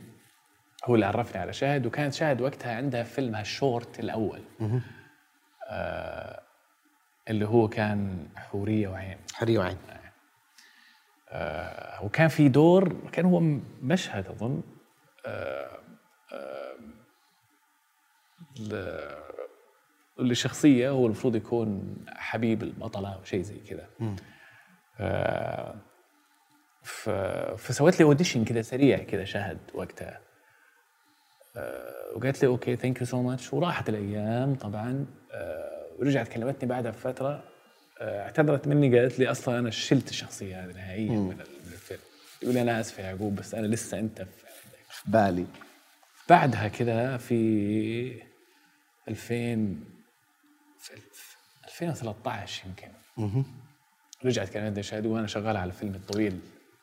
من 2013 بدأت تشتغل عليه. طبعا. في 2013 كانت اوريدي هي تبغى تسوي شيء في في نفس العالم هذا اللي هو ال- القرية الخيالية ال- الميثولوجي اللي هي عندها والمكان وخلاص شايفة هي ال... شايفة هي الموضوع وكانت مقنعة يعني شاهد يعني من أول ما قعدت مع فنانة. يعني عرفت وين رايح الموضوع وكذا وهذه من الأشياء يعني هذه الأشياء اللي أنا أقول هذا الشيء اللي أنا أدور عليه هذه نوعية المشاريع اللي أنا هذا قبل مسافة صفر صح؟ لسه أيوة، قبل قبل صفر كل شيء. يعني يعني آه، ف- وفعلا يعني قعدنا فترة طبعا أخذت وقت هي في التحضير لين مين مش عارف إيه ال production مين بينتج مين وكنا قاعدين نلتقي بشكل دوري يعني وهي يعني صار النص draft وصلنا كذا أبي أرسل لك أقرأ آخر شيء صار و... آه لين طبعا صورنا في في 2016 تقريبا يعني. يعني والرحلة كلها يعني في, يعني في الأخير الفيلم طلع في 2019 لا ما طلع حتى طلع مهرجان هو يعني في 20 يعني هو. في, في فينيس كان أول ما انعرض أول ما انعرض في فينيس في- الظاهر 19 بالضبط، قبل لا يروح السينما. و20 جا هنا وبعد. مهرجان افلام السعودية بعدين نزل في السينما و ف فطبعا كان في فيكتوري في الحلو في الموضوع لأن يعني سنين وأنا يعني كنت أشوف شاهد وأنا مؤمن فيها بصراحة يعني وهي مؤمنة فيا مرة. فنانة، ف- فنانة يعني. ف... فكان فكان هذا أول يعني- فيلم طويل. أنا كنت أحسب كنت أحسب إنه مسافة صفر. لا لا كان أول شيء كان هو سيدة البحر. سيد البحر كان. وبعدها مسافة صفر كم كان؟ في مسافة صفر في 16 تصور هو؟ آه، في لا في آه، أنا صورت مسافه صفر صفر في 2018 18 2018 أوكي. بالضبط. 2018 كان. حلو. مع عبد العزيز الشلاحي أو بالضبط. وكان آه، آه، كان آه، كانت تجربة حلوة. لأن أصلا كان آه، كنت already شفت المغادرون بس أبغى أرجع حتى ضروري أقفل يعني سيد البحر؟ سيد البحر لأن آه، آه، كان من كان من أسعد اللحظات صراحة لما سمو وزير الثقافة حتى غرد وخلاص إنه خلينا نقول ال submission صار للأوسكار كان هو سيد البحر. فتذكرت كل الرحلة هذه مع مع شاهد وحتى لما كلمتها هنيتها يعني كنت أقول لها إنه يعني شفتي اي نو ات يعني إنه كبرنا وكبر يعني معانا. بالضبط وت- وخ- وت- كذا وتبقى الجيرني حقته بصراحة شيء عظيم يعني بعدها كان قابلت عبد العزيز الشلاحي أول مرة في مهرجان الأفلام السعودي أظن كان وقتها الرابع أو. كان الرابع آه، كان كان هو المغادرون كان وقتها يعني موجود. وفيلم جميل صراحة جداً. يعني محمد القس وخالد و كان أول أظن كان أول شيء حتى يكتب مفرج أظن ذيك الأيام. كان أول ثنائي أول ما أول ما صارت الثنائية بين عبد العزيز الشلاحي ومفرج يعني ف... فكان شيء حلو صراحة العمل يعني مدهش كذا كان. دايلو وال... وشلاحي سوى فيه شغل جميل رغم إنه أنا أتذكر الظروف اللي كان يصور فيها كانت يعني كانت غريبة كمان يعني لسه ذي. بس ما شاء الله عليه يعني تفوق على نفسه وسوى مشروع آه، يحترم صراحة. آه، وكان وقتها قاعد ينعرض في نفس السنة آه، لا أستطيع تقبيل وجهي. سويته مع علي السمين. يعني في الختام سلمت سلمنا كنا نسلم على بعض يعني طول الوقت ونتقابل في المهرجان يعني و فكان من وقتها بدأ الكلام على إنه في في الظاهر مشروع لأن الظاهر الظاهر اي وقتها كان كان يكتب. كان قاعد يكتب أو كانت الفكرة موجودة. آه آه لين جاني جاني كذا ب- وكان ينطبخ العمل وبدا البري أصلا فيه والظاهر كانوا مخليني آخر شيء. إلى آخر لحظة لين جاء كلمني عبد العزيز وكلمني طبعا خالد. قال لي ضروري يعقوب يعني كمان. وصراحة اللي قريته كان رائع جداً. يعني صراحة كان رائع. أبي أتكلم عن رشاش أكثر. آه ال- يعني صار عندك تجربة مسرحية. وتجربة تلفزيون وتجربة أفلام قصيرة وأفلام طويلة. بعدين يجي عمل بحجم رشاش تحدي كبير انتاجيا وتمثيليا وكتابيا و يعني كلنا عارفين كيف سوى وكيف الأثر اللي عند المتابعين وكيف أعطى ال- السينما السعودية أو الإنتاج السعودي نظرة احترام اللي هي نقدر نوصل لهذا ال- الليفل طبعا كان معاه تحديات كبيرة جدا كان معاه مشاكل ومحاسن لما خلص لكن بشكل عام ما حد يقدر ينكر إنها كانت تجربة إيجابية بشكل كبير على مستوى الممثلين وعلى مستوى ال ال ال ال الصوت اللي طلع والأثر اللي سواه. يعني استفادوا كثير ممثلين. يعني زي ما كنت أتكلم معك قبل شاهد عنده استراتيجية جدا جميلة اللي هي خلينا نحكي القصص اللي ال- ال- السعودية القصص اللي موجودة بس مرت بخطوات ومتفهمة جدا شيء يعني كثير من الناس كانوا ينتقدون وأبي أوخر هالكلام من البداية قبل ما نتكلم عن الرشاش أنا وياك كان في انتقاد كثير على إنه الحوارات ما كانت حقيقية، المخرج، الكاتب ما هم سعوديين، كيف نحكي قصتنا؟ طيب يعني عمل إنتاجي بهذا الحجم ضخم جدا، أتفهم الأستوديو اللي يقول أبغى أكون واثق وأحد من ال- ال risks والمخاطر اللي راح تطلع لي في الإنتاج. بعدين شاهد بدت باستراتيجية جدا جميلة اللي هو الاختطاف، بدينا نشوف آه writer سعودي، صحيح. بعدين رحنا نشوف في آه، فندق الأقدار. خلاص عندك فهد البتيري محمد الهليل وال cast. فهو كان خلاصة رحلة شاهد إلى حكاية القصص ال local. بس لما نشيل كل هالكلام ونظرة الناس والأشياء الإيجابية والسلبية أبي تجربتك أنت من أول يوم أخذت النص. لأنه ما ننكر الناس حبوه بشكل كبير ولهم متعلقين فيه بس أنا أبي أسمع منك أنت. كيف كانت تجربتك لما أخذت النص وقلت هذه الشخصية اللي بمثلها؟ كيف حضرت لها؟ الإنتاج أصعب الأشياء اللي صارت فيه وأثر ردة فعل الناس عليك بعدها. هو آه اللي صار إن آه، التحضير كان قاعد يصير بشكل مو معلن يعني أساسا يعني. كان كان already في أو على الأقل أنا ما عرفت يعني بال بالعمل إلا بعد ما كلموني حتى أروح اقابل المخرج. وكانوا و- بادين في الانتاج يعني خلاص نهايات ال pre-production يعني ولا؟ بالضبط. أوف. يعني فأنت جاي متأخر. يعني بالضبط. ولا متجهز للدور الضخم. و- ولا مين يعني كنت أصلا متأخر. آه في دبي صح؟ جاني اتصال. اي كنت أنا في الرياض. جاني اتصال يعقوب آه اليوم الفلاني فاضي إذا ممكن تجي. بس تقابل المخرج في عندنا عمل جديد ونرسل لك كذا ورقتين أو صفحتين. يعني بس كذا وراجعها أقراها. يعني هو حاب يشوفك ب أداء. يعني بس المخرج حاب يقابلك ويبغاك تقرأ يعني و... والعمل. بس لا أحد يدري مش عارف إيه. هو هذا المشروع إحنا بنسويه عن رشاشه يعني بس إنه يعني قاعد بسرية تامة قاعد العمل وقاعد شعورك انت؟ رشاش كان في وعيك؟ يعني زي ما يعني قلت كنت بالضبط. تشوف السكتشز عنهم. إيش كان شعورك لما أنا- عرفت انك بتمثل في فيلم أو مسلسل وما كنت ما كان ما كنت عارف انه شخصيه رشاش صح؟ لسه. ال- ال- المضحك انه انه ال- الورقتين ال- يعني الصفحتين هي كانت لشخصيتين بحيث إنه أنا أحضر نفسي. ممكن يعني بيجربني هنا وهنا. مين كانوا الشخصيتين؟ آه، كان آه، كان عمر. وكان آه، فهد. اللي هو آه، عمر لعبه فايز بن سويس فهد لعبه نايف الضفيري. والاثنين صراحة أنا يعني بالنسبة لي كانوا رائعين صراحة. آه، ف. فرحت فرايح قابلت أنا؟ طبعا في البداية كنت أول ما يعني قلت ما أبغى أكرر تجربة جيمان صراحة.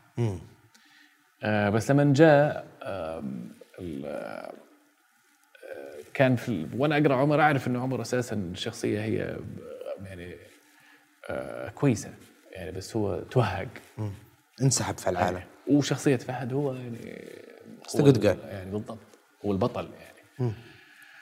آه، ف- فكنت أنا قلت okay يعني أنا بالعكس يعني إذا جتني واحدة من ثنتين بكون مبسوط ولا اني انحط أنا في خانة إنه يعني ان, إن أنا ال villain حق الموضوع و... فقلت okay I'll do it ورحت كذا بعدها بكم يوم قعدت مع المخرج. آه، أول ما دخلت من الباب قال لي أنت يقول أنا يقول أول ما دخلت عليه خلاص عرفت أنت مين. قلت له مين؟ قال لي مبدئيا يعني تقريبا الكل خلاص يعني اخترناهم بس باقي مهل. امم ما اخترنا. فقال لي فغالبا أنا يعني أبغاك تلعب مهل. بس قال لي خليني أجربك. إيش أرسلوا لك؟ فوريته. قال لي اقرأ. فقريت كذا شوية قريت شوية.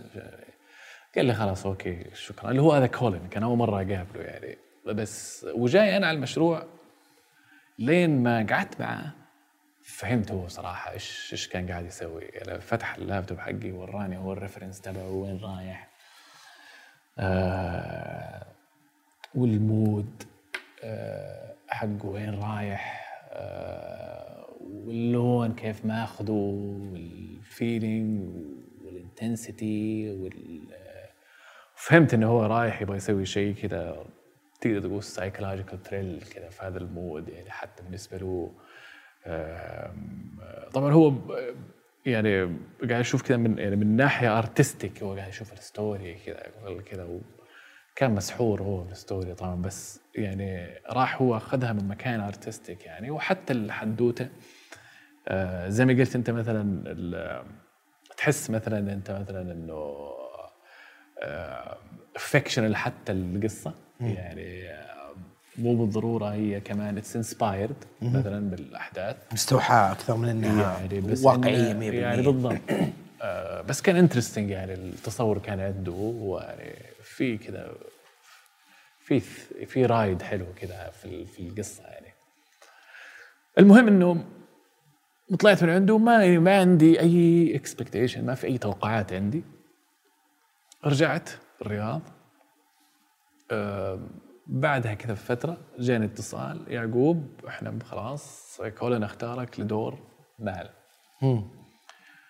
قلت okay يعني okay يعني still أنا بالنسبة لي في مكان يعني آه يعني طبعا تحمست لأنه عرفت إن المشروع بيكون كبير. وحبيت إنه أنا sub-main المرة هذه يعني ماني في ما أنت شخصية رئيسية. يعني بالضبط ماني في ال... وكنت مستمتع وأنا قاعد أقرأ ووصلت. وصلت تعرفنا على بعض الشباب موجودين عرفت إنه إبراهيم الحجاج معي وعرفت انه نايف الضفيري هو فهد. فايز كنت يعني ال- ال- الشباب آه، يعني إبراهيم من أول عارفه إبراهيم الحجاج إبراهيم مسرح بعد يعني بالضبط. أيمن طهر نفس الشيء من أول عارفه إنه مسرح. آه اللي تعرفت عليهم كان كان فايز بن جريس ولما تع- تعرفت عليه يعني تفاجأت إنه هو ما شاء الله كان داير يعني درس في في لوس أنجلس. درس acting يعني الولد. قلت "wow، واحد من عيالنا درس acting في لوس أنجلس. برافو يعني وجاي كذا عارف و he's very passionate فايز يعني من من الشباب اللي very passionate فنان صراحة يعني يعني هي يعني آه، آه، وإبراهيم بالنسبة لي يعني لما عرفت إنه هو جاي آه، انبسطت لأن أعرف أن إبراهيم قديش talented يعني وقلت thank God أخيرا راح يعني بيلعب شخصية. آه راح كذا حتى اللي يتفرج راح يشوفون إبراهيم قديش هو أحد كذا talented آه آه أيمن نفس الشيء يعني أيمن عارفه كويس من أيام المسرح. وكنا دائما نتكلم كان وايمن ايمن أيمن كان دائما يقول لي يا إن شاء الله نشتغل سوا يعقوب إن شاء الله نشتغل سوا. فكان موجود. حكيم جمعة كنت أول مرة يعني كمان اقابله أعرفه من قبل بس أول مرة اقابله وصدمني قديش وكذا جاي هو كذا أنت والدارس كذا كذا محدد إيش يبغى يسوي وكذا وقاعد كذا طول الوقت طول الوقت قاعد قاعد يدرب نفسه على الكلام وقاعد يدرب لأن لأن يعني يعني بالنسبة لحكيم كان مرة تشالنجينج موضوع اللهجة وراح راح يعني المكان الثاني تماما يعني.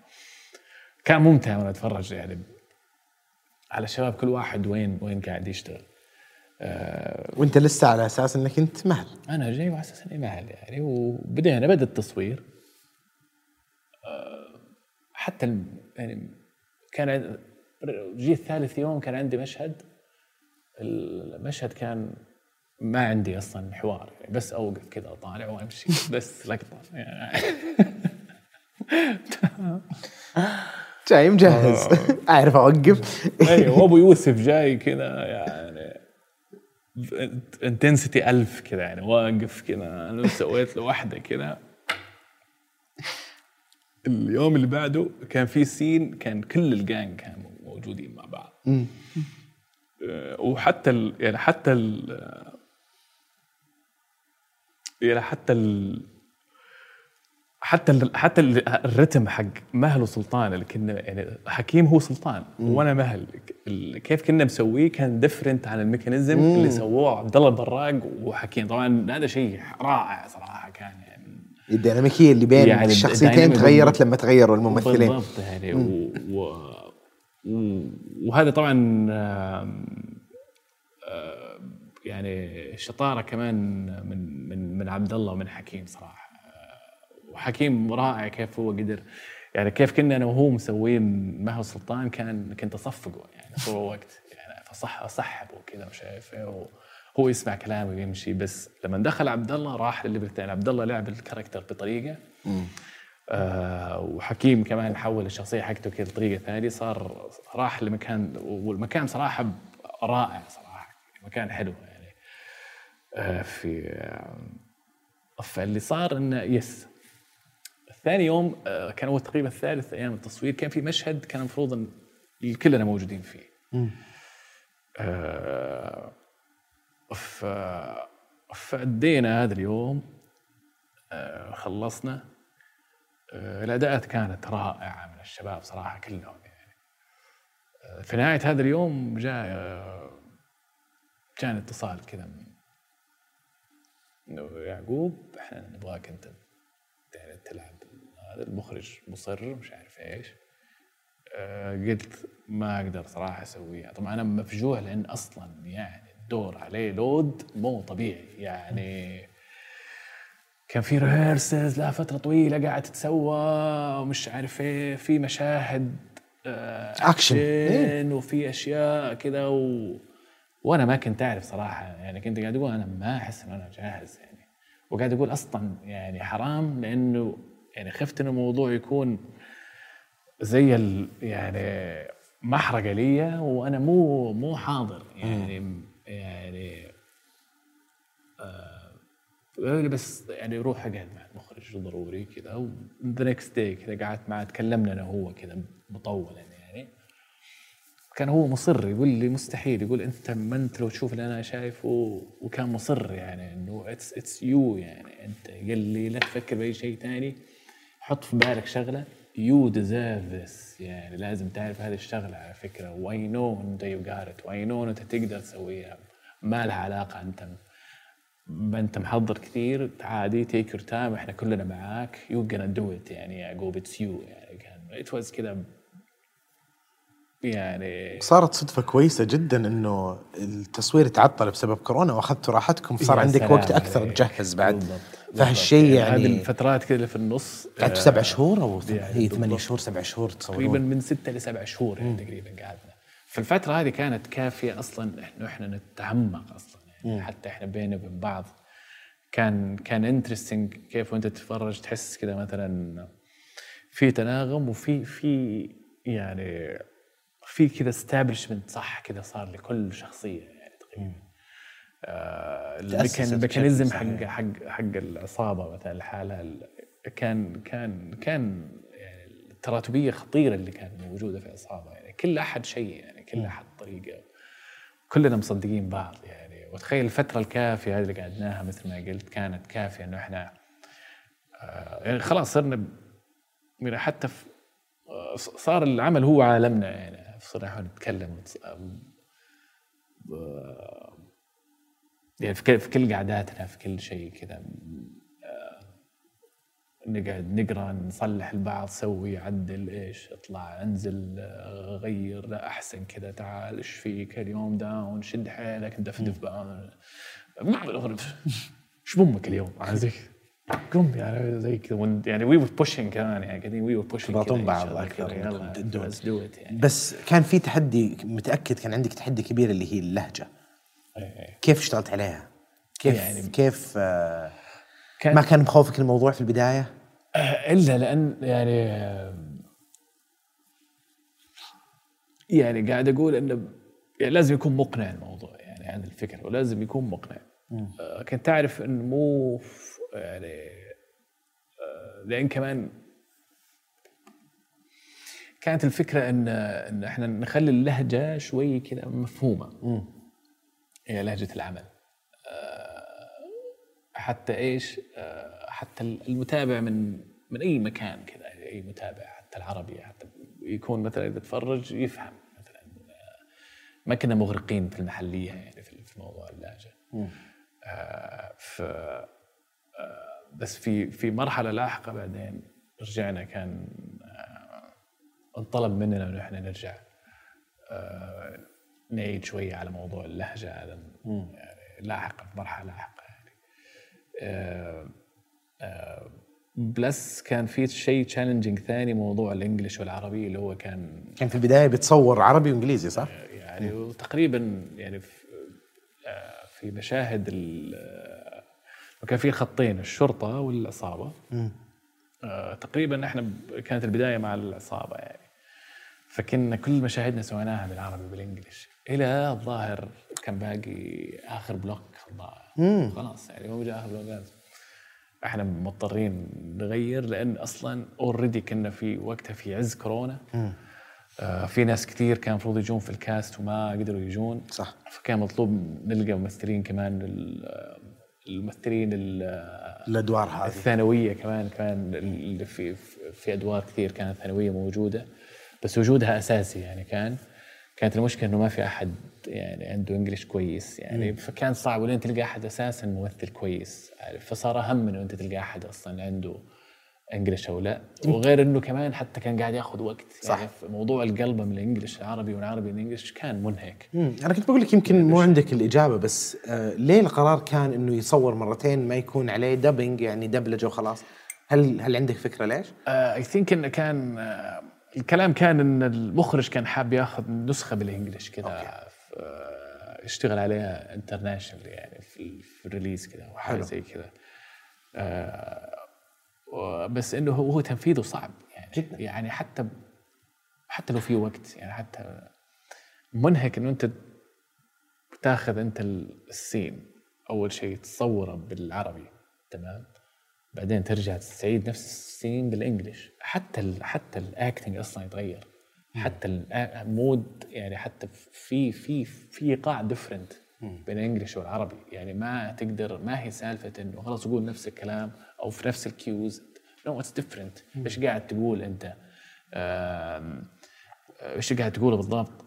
آم، آم، ف ف ما ما it's not easy كذا وحتى للممثل هو حتى to switch أصلا. يعني أصلا أنا يبغى لي حتى يعني وأنا أقول بالعربي إذا بدخل English I need كذا مرة مرتين لين كذا أدخل كذا بيصير الكلام ال flow natural حق ال English وأنا أقوله. ولما أرجع عربي أحتاج أرجع كمان. اي نيد تايم حتى أنا أطلع كذا أشيل نفسي من آه فكنتوا تصورون كل مشهد بالعربي بعدين بالإنجليزي على نفس ال set بنفس يا اليوم. yeah yeah وعلى الزاوية. على الزاوية، يعني, okay. يعني على الزاوية خلاص. أنت وين ال angle؟ وين الكاميرا؟ وين؟ okay now okay extreme close الآن أنت موضوع. قول English عربي. okay wide English وبعدين سوي واحدة English سوي واحدة عربي. ارجع مش عارف إيش. ف it wasn't easy بصراحة. متأكد ما كانت سهلة. آه فيس كان هذا موضوع اللهجة. موضوع اللهجة. طب تحديات زي ال ال الأكشن مشاهد الأكشن الثقيلة ما كان كان عندك خبرة فيها قبل؟ ما أعتقد يعني إلا بمباريات جدة يعني. يعني الأكشن اللي- في أيام المسرح كنت يعني كنت عفريت أنا كنت انطط يعني كنت أتشقلب وكنت يعني فما كنت آه، وستيل كذا يعني عندي هذا الجنان أحب أتعلق في في أي حاجة كذا. المهم إنه يعني من أول يعني أنا واحد flexible مرن يعني ما عندي مشكلة. بس إن بس كان كان التحدي إنه أحفظ ال- ال- routines. مثلا آه، كان أول شيء آم، يعني كان لما جيت أصور المشهد حق ال fight scene اللي بيني وبين فيصل الدوخي آه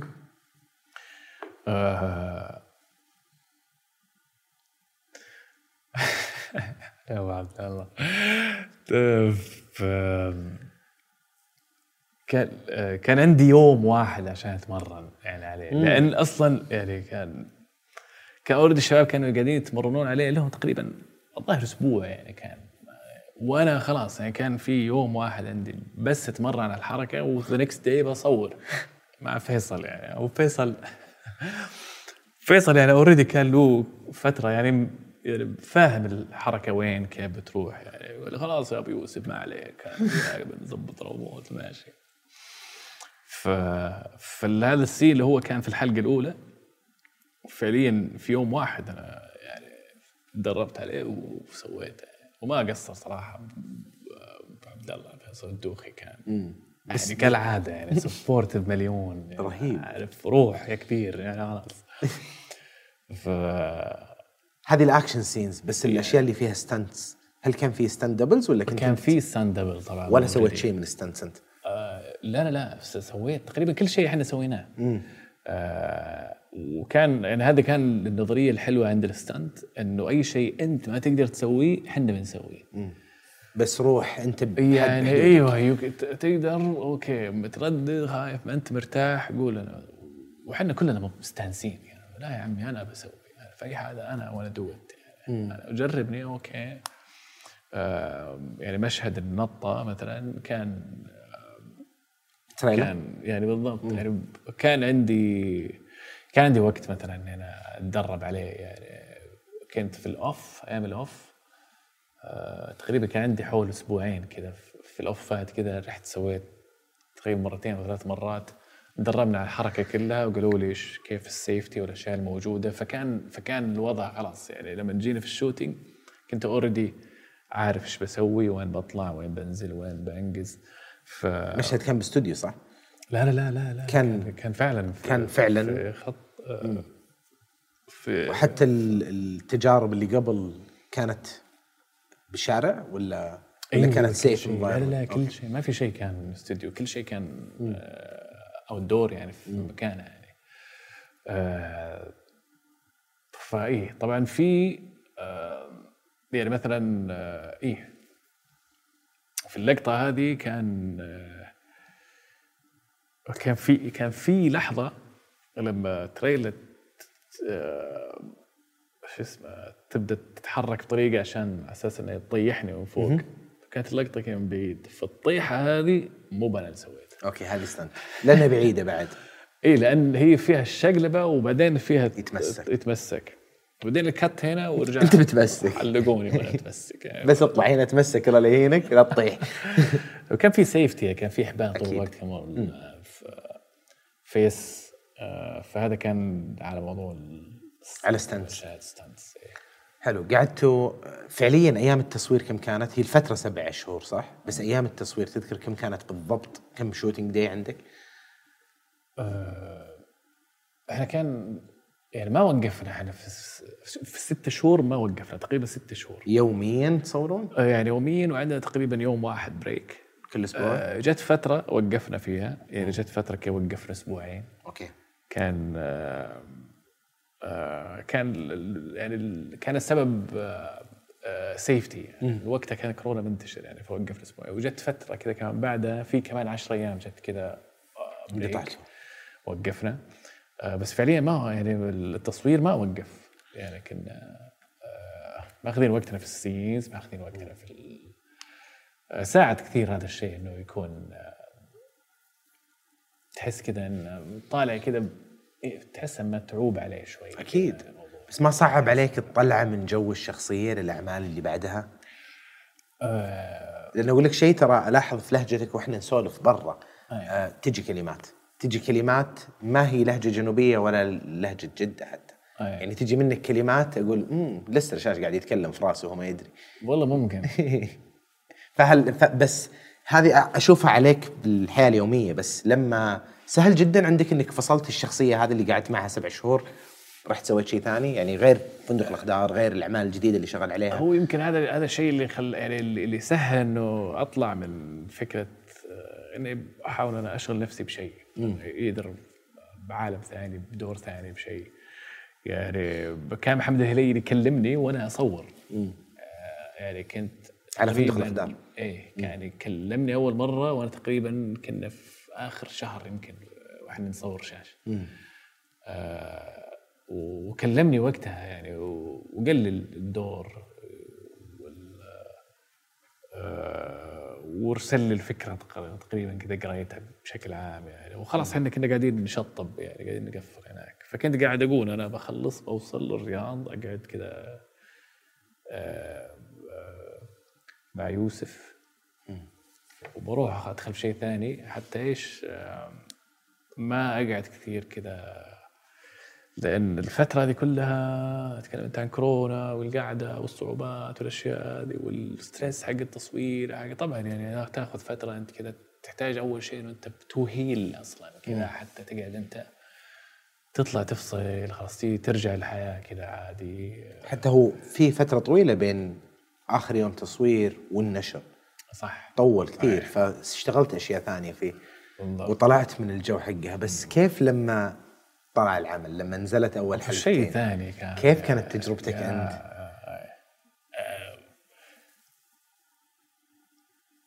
هو نزل حلقتين أو ثلاثة في البداية صح؟ أول شيء كان نزلت حلقتين حلقتين. صح إيه. أيوه. فكيف كانت طبعا وكانت أبكر من موعدها الأساسي يعني فجأة نزلت أذكر.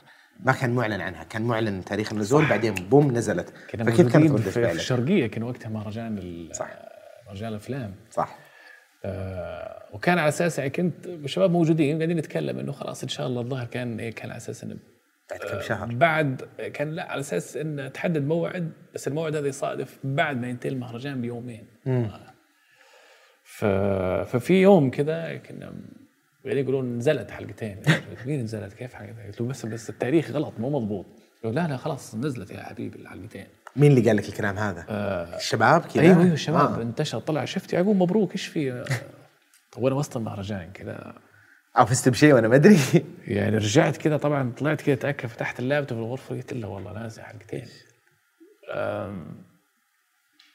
ما ما أدري ليش. يعني بس إنه خلاص نزل العمل وقتها. تفرجتها على طول؟ ما تفرجت على طول. وقبل وقت التصوير وحتى بعدها ما شفتوا أي درافت أنت مثلت ومشيت مو عارف كيف يعني تطلع. شفنا كان يعني شفنا كم شوت كذا كان يعني. رشز كذا المخرج ورانا بس حتى حتى نفهم وين إحنا رايحين يعني كيف شلون طالع الموضوع. و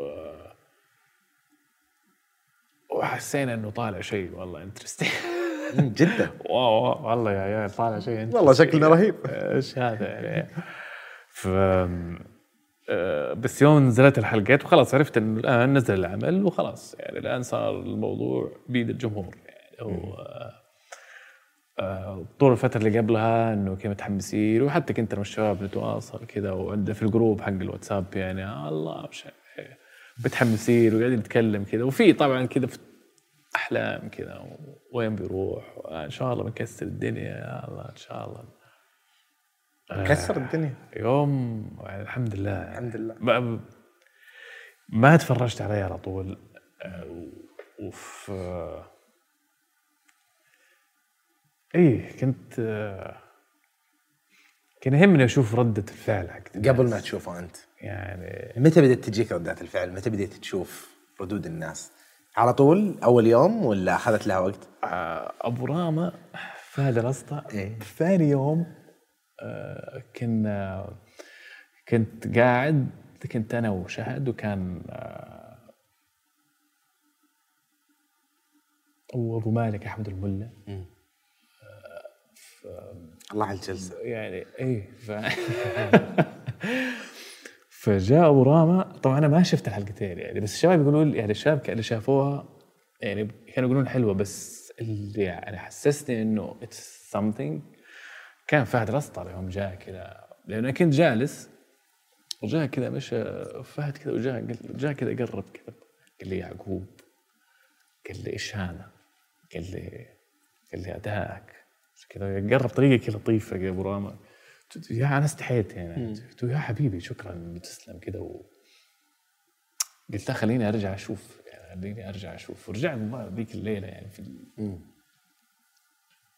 شفتها ولسه كذا مو مو مفهوم الموضوع. كمان يعني آه، إني أشوفها كذا من يعني إني أشوفها من منظور المشاهد اللي يشوفها اول مرة غير غير أنا وأنا أشوف. أنا أعرف يعني متذكر و صح. ولا أبغى أتحمس كثير ولا أبغى آه أنت قاعد أحاول إني أعطي الموضوع حقه يعني وتتحكم توقعاتك يعني, يعني بالضبط. أيه. آه، بس الحمد لله يعني كان اول ان اول اوفر يعني الموضوع صراحة. ومبسوط إن ال يعني آه، الحالة كلها كذا أخذت يعني أخذت صدى كويس. يعني اخذ أخذت بديت تسمع ردة فعل الجمهور يعني إي من الصناعة أم شور وصلك على طول الخبر خاصة إنك كنت وسط المهرجان. بس كيف بدات تطلع برا؟ من الناس من يعني الجمهور. الإنترنت ردات الفعل بالشارع متى بديت تشوفها بعد لأنه صنع حالة ترى يعني طلع منه memes صار تيك توك الناس صار تعيد مقاطع منه. culture يعني صار الموضوع دخل كذا سوى يعني ب... أنا هذا يعني. يعني كنت متوقع إنه إن شاء الله إنه بينجح. كنت أقول أكيد بينجح العمل. it's different يعني وراح ينجح. آم، بس ما توقعت انه بيكون ال impact كذا على ال pop culture يعني كله. عارف؟ اللي هو تحس آم، يعني حتى نايف ارسل لي أغنية واحد رابر كذا فهو ماخذ جملة يعني من من الجمل اللي أنا قلتها في, في المسلسل وحاطها كذا في آه، حاطه كذا عامل stop. لل music كذا وتطلع الجملة شوف وتكمل كذا عارف؟ it's كذا it's affecting كذا الأشياء. في رسوم كذا قاعد تجي لي في ناس في مجسمات كذا انعملت في مرة over كان يعني. حبت الناس الشخصية وحبت ادائك و everyone يعني ما يعني آه، الشباب كيف طلعوا يعني نايف خالد يستم إبراهيم فايز أيمن حكيم عبد الله براق كان رائع يعني كان تحفة. آه، ومحمد القس اللي يعني كذا أوجه له كذا تحية من القلب يعني وجوده كان رائع يعني آه، معانا طول الوقت كنا هناك يعني آه، يعني قد ما أقول فيه صراحة محمد القس يعني أخ عزيز يعني كان فعلا كان كان قلبه كذا معنا طول الوقت و وإيه يعني كانت everyone صراحة الشباب يعني مجموعة مجموعة عجيبة يعني كان. كل كل المجموعه كانت رهيبة آه، وأحس آه، العمل هذا هو اللي سلط الضوء عليهم وكذا ورماهم يلا روحوا سووا اللي بعده.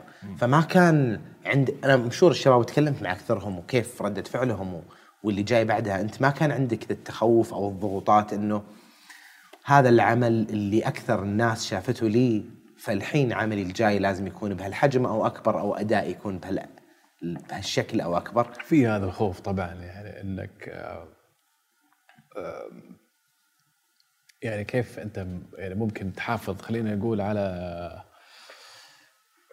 صعب يعني إنه أنت بس هو صعب من ناحية إن أنت فاهم أنت الظروف يعني يعني الإنتاجية والتسويقية اللي كانت مع المشروع يعني هذا الشيء ما يعني أتمنى إنه يتكرر في مشاريع يعني بالذات في مشاريع سعوديه يعني. آه بس ما تدري أنت إلى أي درجة مثلا ممكن بس بكل الأحوال آه، إذا في شيء دفعني مثلا إني أسويه إن إني أروح مع ال... مع أستفيد من فكرة خلينا نقول الحمد لله الكريديبيليتي هذه اللي جتني إنه أنا I push مشاريع مثلا I believe ان يعني في لناس كثير من أصدقائي إن كان في جميل. كدراما ك films ولا mini series ولا ولا أي شيء artistic كذا حلو اعرف إنه هو في شيء expressive في تعبير وفي حالة صح. I I would push صراحة إنه يعني ألعب دور خلينا نقول EP كذا في مكان معين كذا أحاول try إنه أنا أساعد to find certain projects بالذات ال films يعني و still كذا لسه أقول إحنا في ال films يعني لسه لسه. لسه. يعني قادرين قادرين إنه أنت في okay آه آه في في مشاريع آه آه تحس إنها yes آه ممكن تروح لمكان بس إن العمل يعني بيلا يعني. يحتاج له دعم أكثر يحتاج له استثمار أكبر يعني يحتاج له وترى يعني مو سهل. أنا مرة عجبني كيف إنك شايفها من ناحية ما هو بس ابى أروح أشوف العمل الجاي اللي أكبر قدر ما هي إنه خلاص العين صارت علي خليني أسحب العين لأماكن معينة تحتاج هذا التطوير لأنه ترى من أفضل الأشياء اللي يسويها أحد عنده هذا الإنفلونس أو التأثير إنه حتى انتقائه للمشاريع اللي يساعدها. كثير من أفلام هوليوود ترى ضربت ضربت وفيها يعني class A star طلع فيها هي شباب تراني بس طالع يعني بساعد. فحلوة مرة حلوة مرة وعلى العكس آه، يعطيك العافية إنك قاعد تسوي ذا الشيء. بس آه، هل فيه عمل جاي؟ طبعا ودي نتكلم عن فندق الأقدار يعني كتجربة وأبي أعرف منك بعدها هل في عمل أنت منشن عليه حاسس إنه هو العمل الجاي اللي أو الدور أو الشخصية أو المساحة اللي أبي أروح لها؟ خلينا بفندق الأقدار أول وخل بعدين نروح هنا. أي بالضبط. العمل كان mystery يعني طبعا كله يعني من البداية للنهاية وهو العمل كله أسئلة يعني ما تنتهي الأسئلة وأنت تتفرج عليه. آه والعالم صعب نفسه اللي موجود فيه يعني ونادرا تلقى شيء كذا مكتوب في هذا العدد من ال من الشخصيات والأسرار. وال, وال يعني وكل أحد له دخل بشيء معين. آه والثيمة العمل كانت كذا حلوة يعني فكرة إنه كل الناس هذول يجمعهم الفندق. آه وتس آه والدور نفسه كان حلو يعني قلت أنا طالما إنه أنا توني طالع ولاعب villain still أنا I need time كذا حتى إنه يعني أرتاح تماما. حلو إنه أنا أكمل بس على الأقل بدون مو بال intensity يعني يعني كنت مرتاح إنه فهد في شخصية fictional يعني. آه آه فكيف كان كيف كان تجهيزك للدور؟ آه من ناحية مقارنتها برشاش زي ما قلت إنها شخصية fictional بس ما كانت كان عندك مساحة أكبر فيها مقارنة برشاش اللي عليه توقعات؟ أبدا لا. طبعا هي في المساحة يعني تخيل مساحة أقصد ما هو كتابيا أقصد مساحة لتأدية الشخصية. للفرد يعني قصدي. للفرد يعني حاولت إني أروح لمكان different okay. يعني حاولت إني أرجع على فكرة إنه الشخصية أنت تقدر تلعبها أو حسب روح ال character إيش يعني م. أنت وأنا كيف حاسه يعني. إنك أنت ممكن تكون إنسان عصبي مثلا أو بس مو بالضرورة تكون أحد آه، يعني ما في شكل محدد للعصبية أو ما في شكل محدد مثلا وكون الشخصيه كذا الشخصيه محتالة يعني ما تعرف إيش تبي يعني لين لين ينتهي العمل. آه بس بنفس الوقت عندها أسرارها يعني عندها مكان. يعني كان وفي كذا كان في history كمان للشخصية كمان كنا قاعدين نتخيله كمان إحنا مع بعض يعني وتكلمنا فيه كثير. كان كان منعش ال dialogue يعني وأنا أقرأ أصلا. وكان واضح تأثير فهد بتيري يعني على كتابيا يعني كان اي يعني طلعت يعني, تضحك. وتقول إيش هذا يعني؟ وين رايح وين رايح الأمور؟ وكان ملفت تخيل كده إنه الشخصيه أول مرة تتقدم بشخصيه كذا واقعية كان محلية ممكن تعتبرها أنت مثلا إنه هي ما أبغى أقول atheist مثلا بس أبغى أقول مثلا إنه هي تعرف يعني agnostic لا أدري ولا؟ يعني مو يعني هي تعرف الشخص اللي أحيانا كذا ينضغط كذا في الحياة لدرجه يصير كذا ما عاد فارق معاه شيء. it's كذا small like this أو أو مثلا الشخص اللي هو مثلا يكون تعرض لأشياء كثير أو يوصل لمرحلة كذا هو تساوت. يعني ما عاد فارق معاه شيء.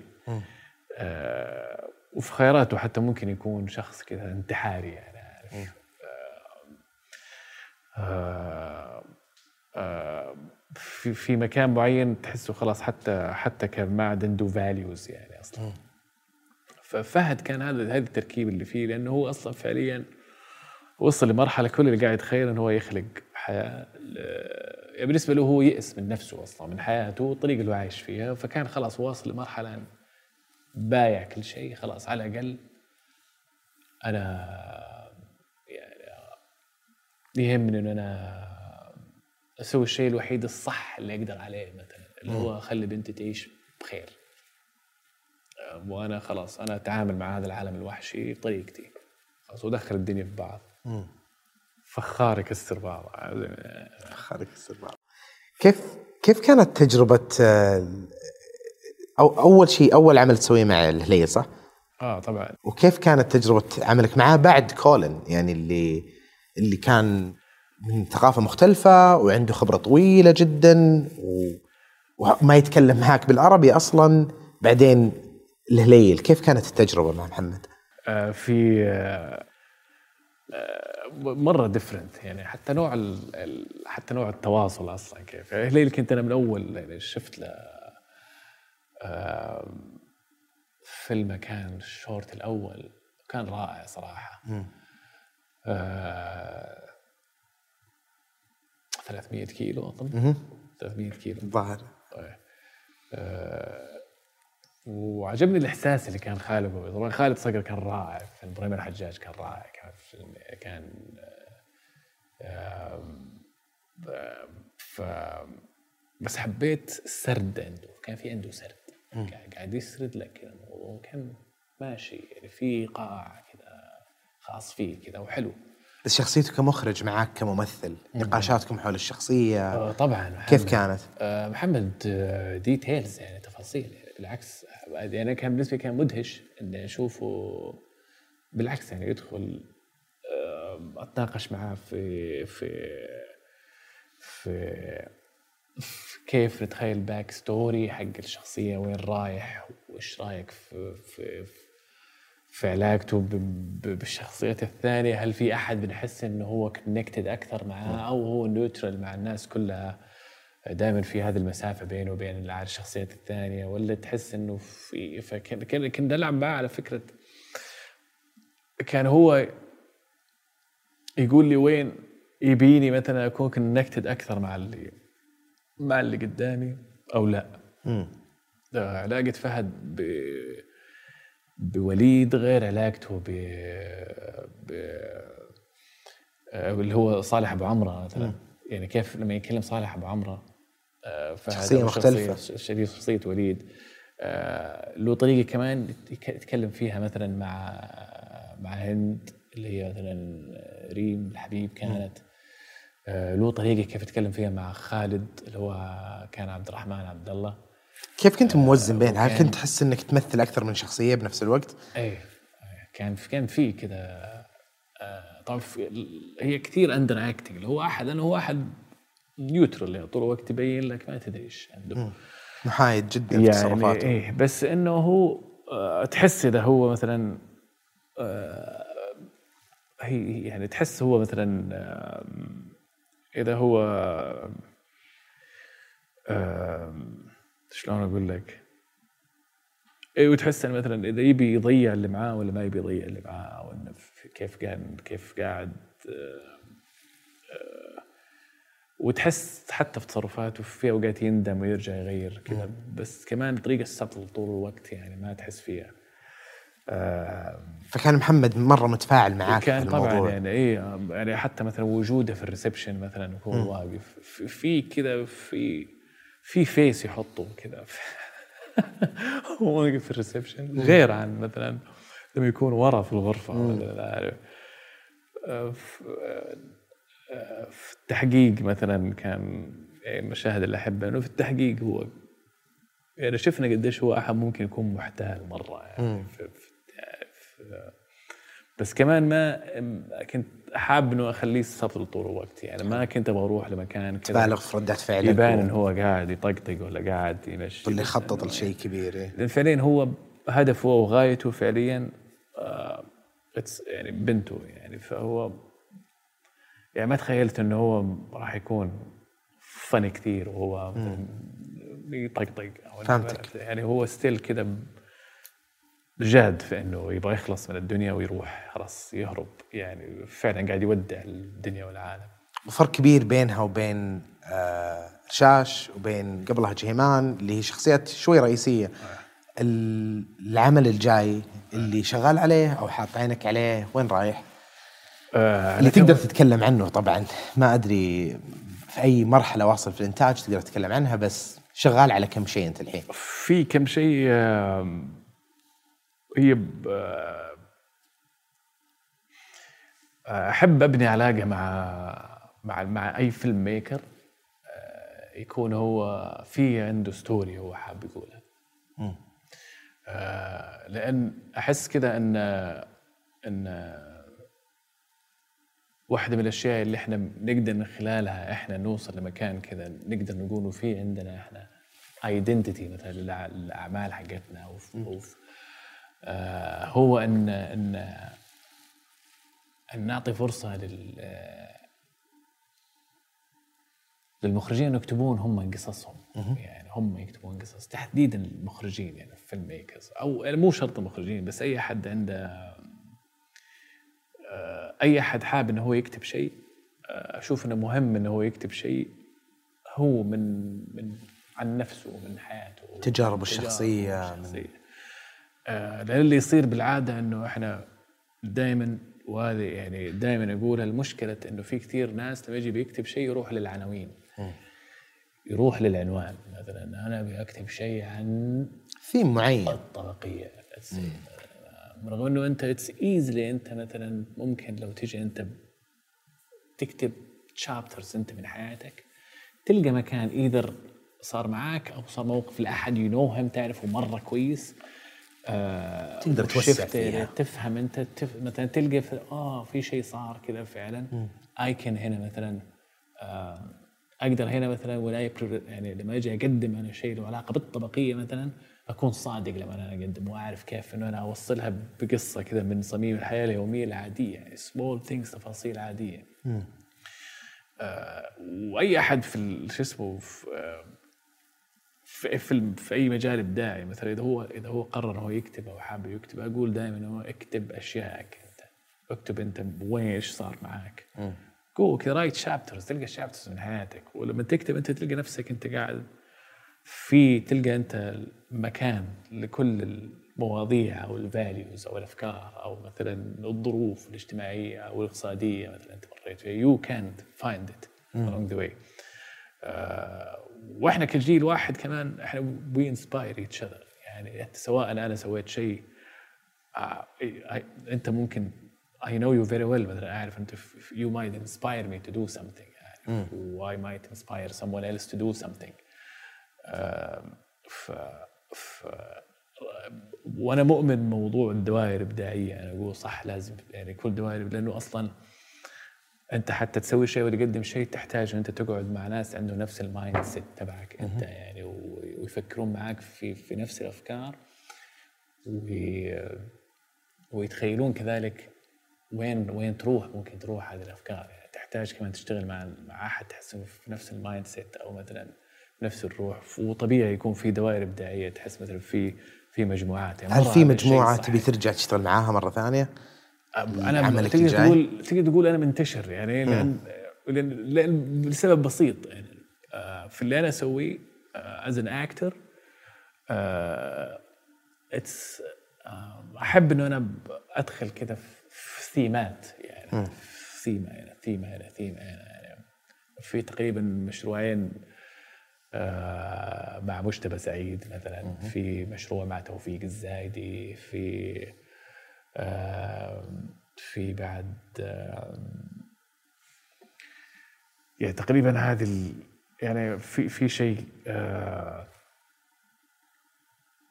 يعني يعني في يعني من في أشياء ما يعني- تقدر تتكلم يعني عنها. بالضبط في في أشياء كذا لسه كذا مو ما بيتكلم عنها مثلا بس إنه بس أنا فيه يعني في الحق ألحق الثيمة ولما أصدق يعني القصة والستوري اللي هي مكتوبة وموجودة وأعرف الرأس اللي اشتغل عليها أعرف إنه أقدر أحط شيء يعني تلقاني نفسي أدخل معاه مثلا mentally و emotionally وأفهم وين رايح وإيش ال... وإيش آه، آه، إيش المكان حق القصة وإيش وين حابه هو. كيف قاعد يشوفها من أي كذا من أي زاوية يبغى يشوفها هو إذا it's إيش اللي إيش العمل اللي قريب راح ينزل؟ أو تقدر تتكلم عنه؟ في شيء منها ولا لسه؟ آه، إن شاء الله ببدأ تصوير إن شاء الله مع توفيق في بس بين March و I hopefully تقريبا إن شاء الله على إن شاء الله في March تقريبا السنة الجاية. آه، فيلم ولا مسلسل؟ فيلم. فيلم. آه، فيلم بعنوان نورة. نوره. أوكي. إيش ال genre؟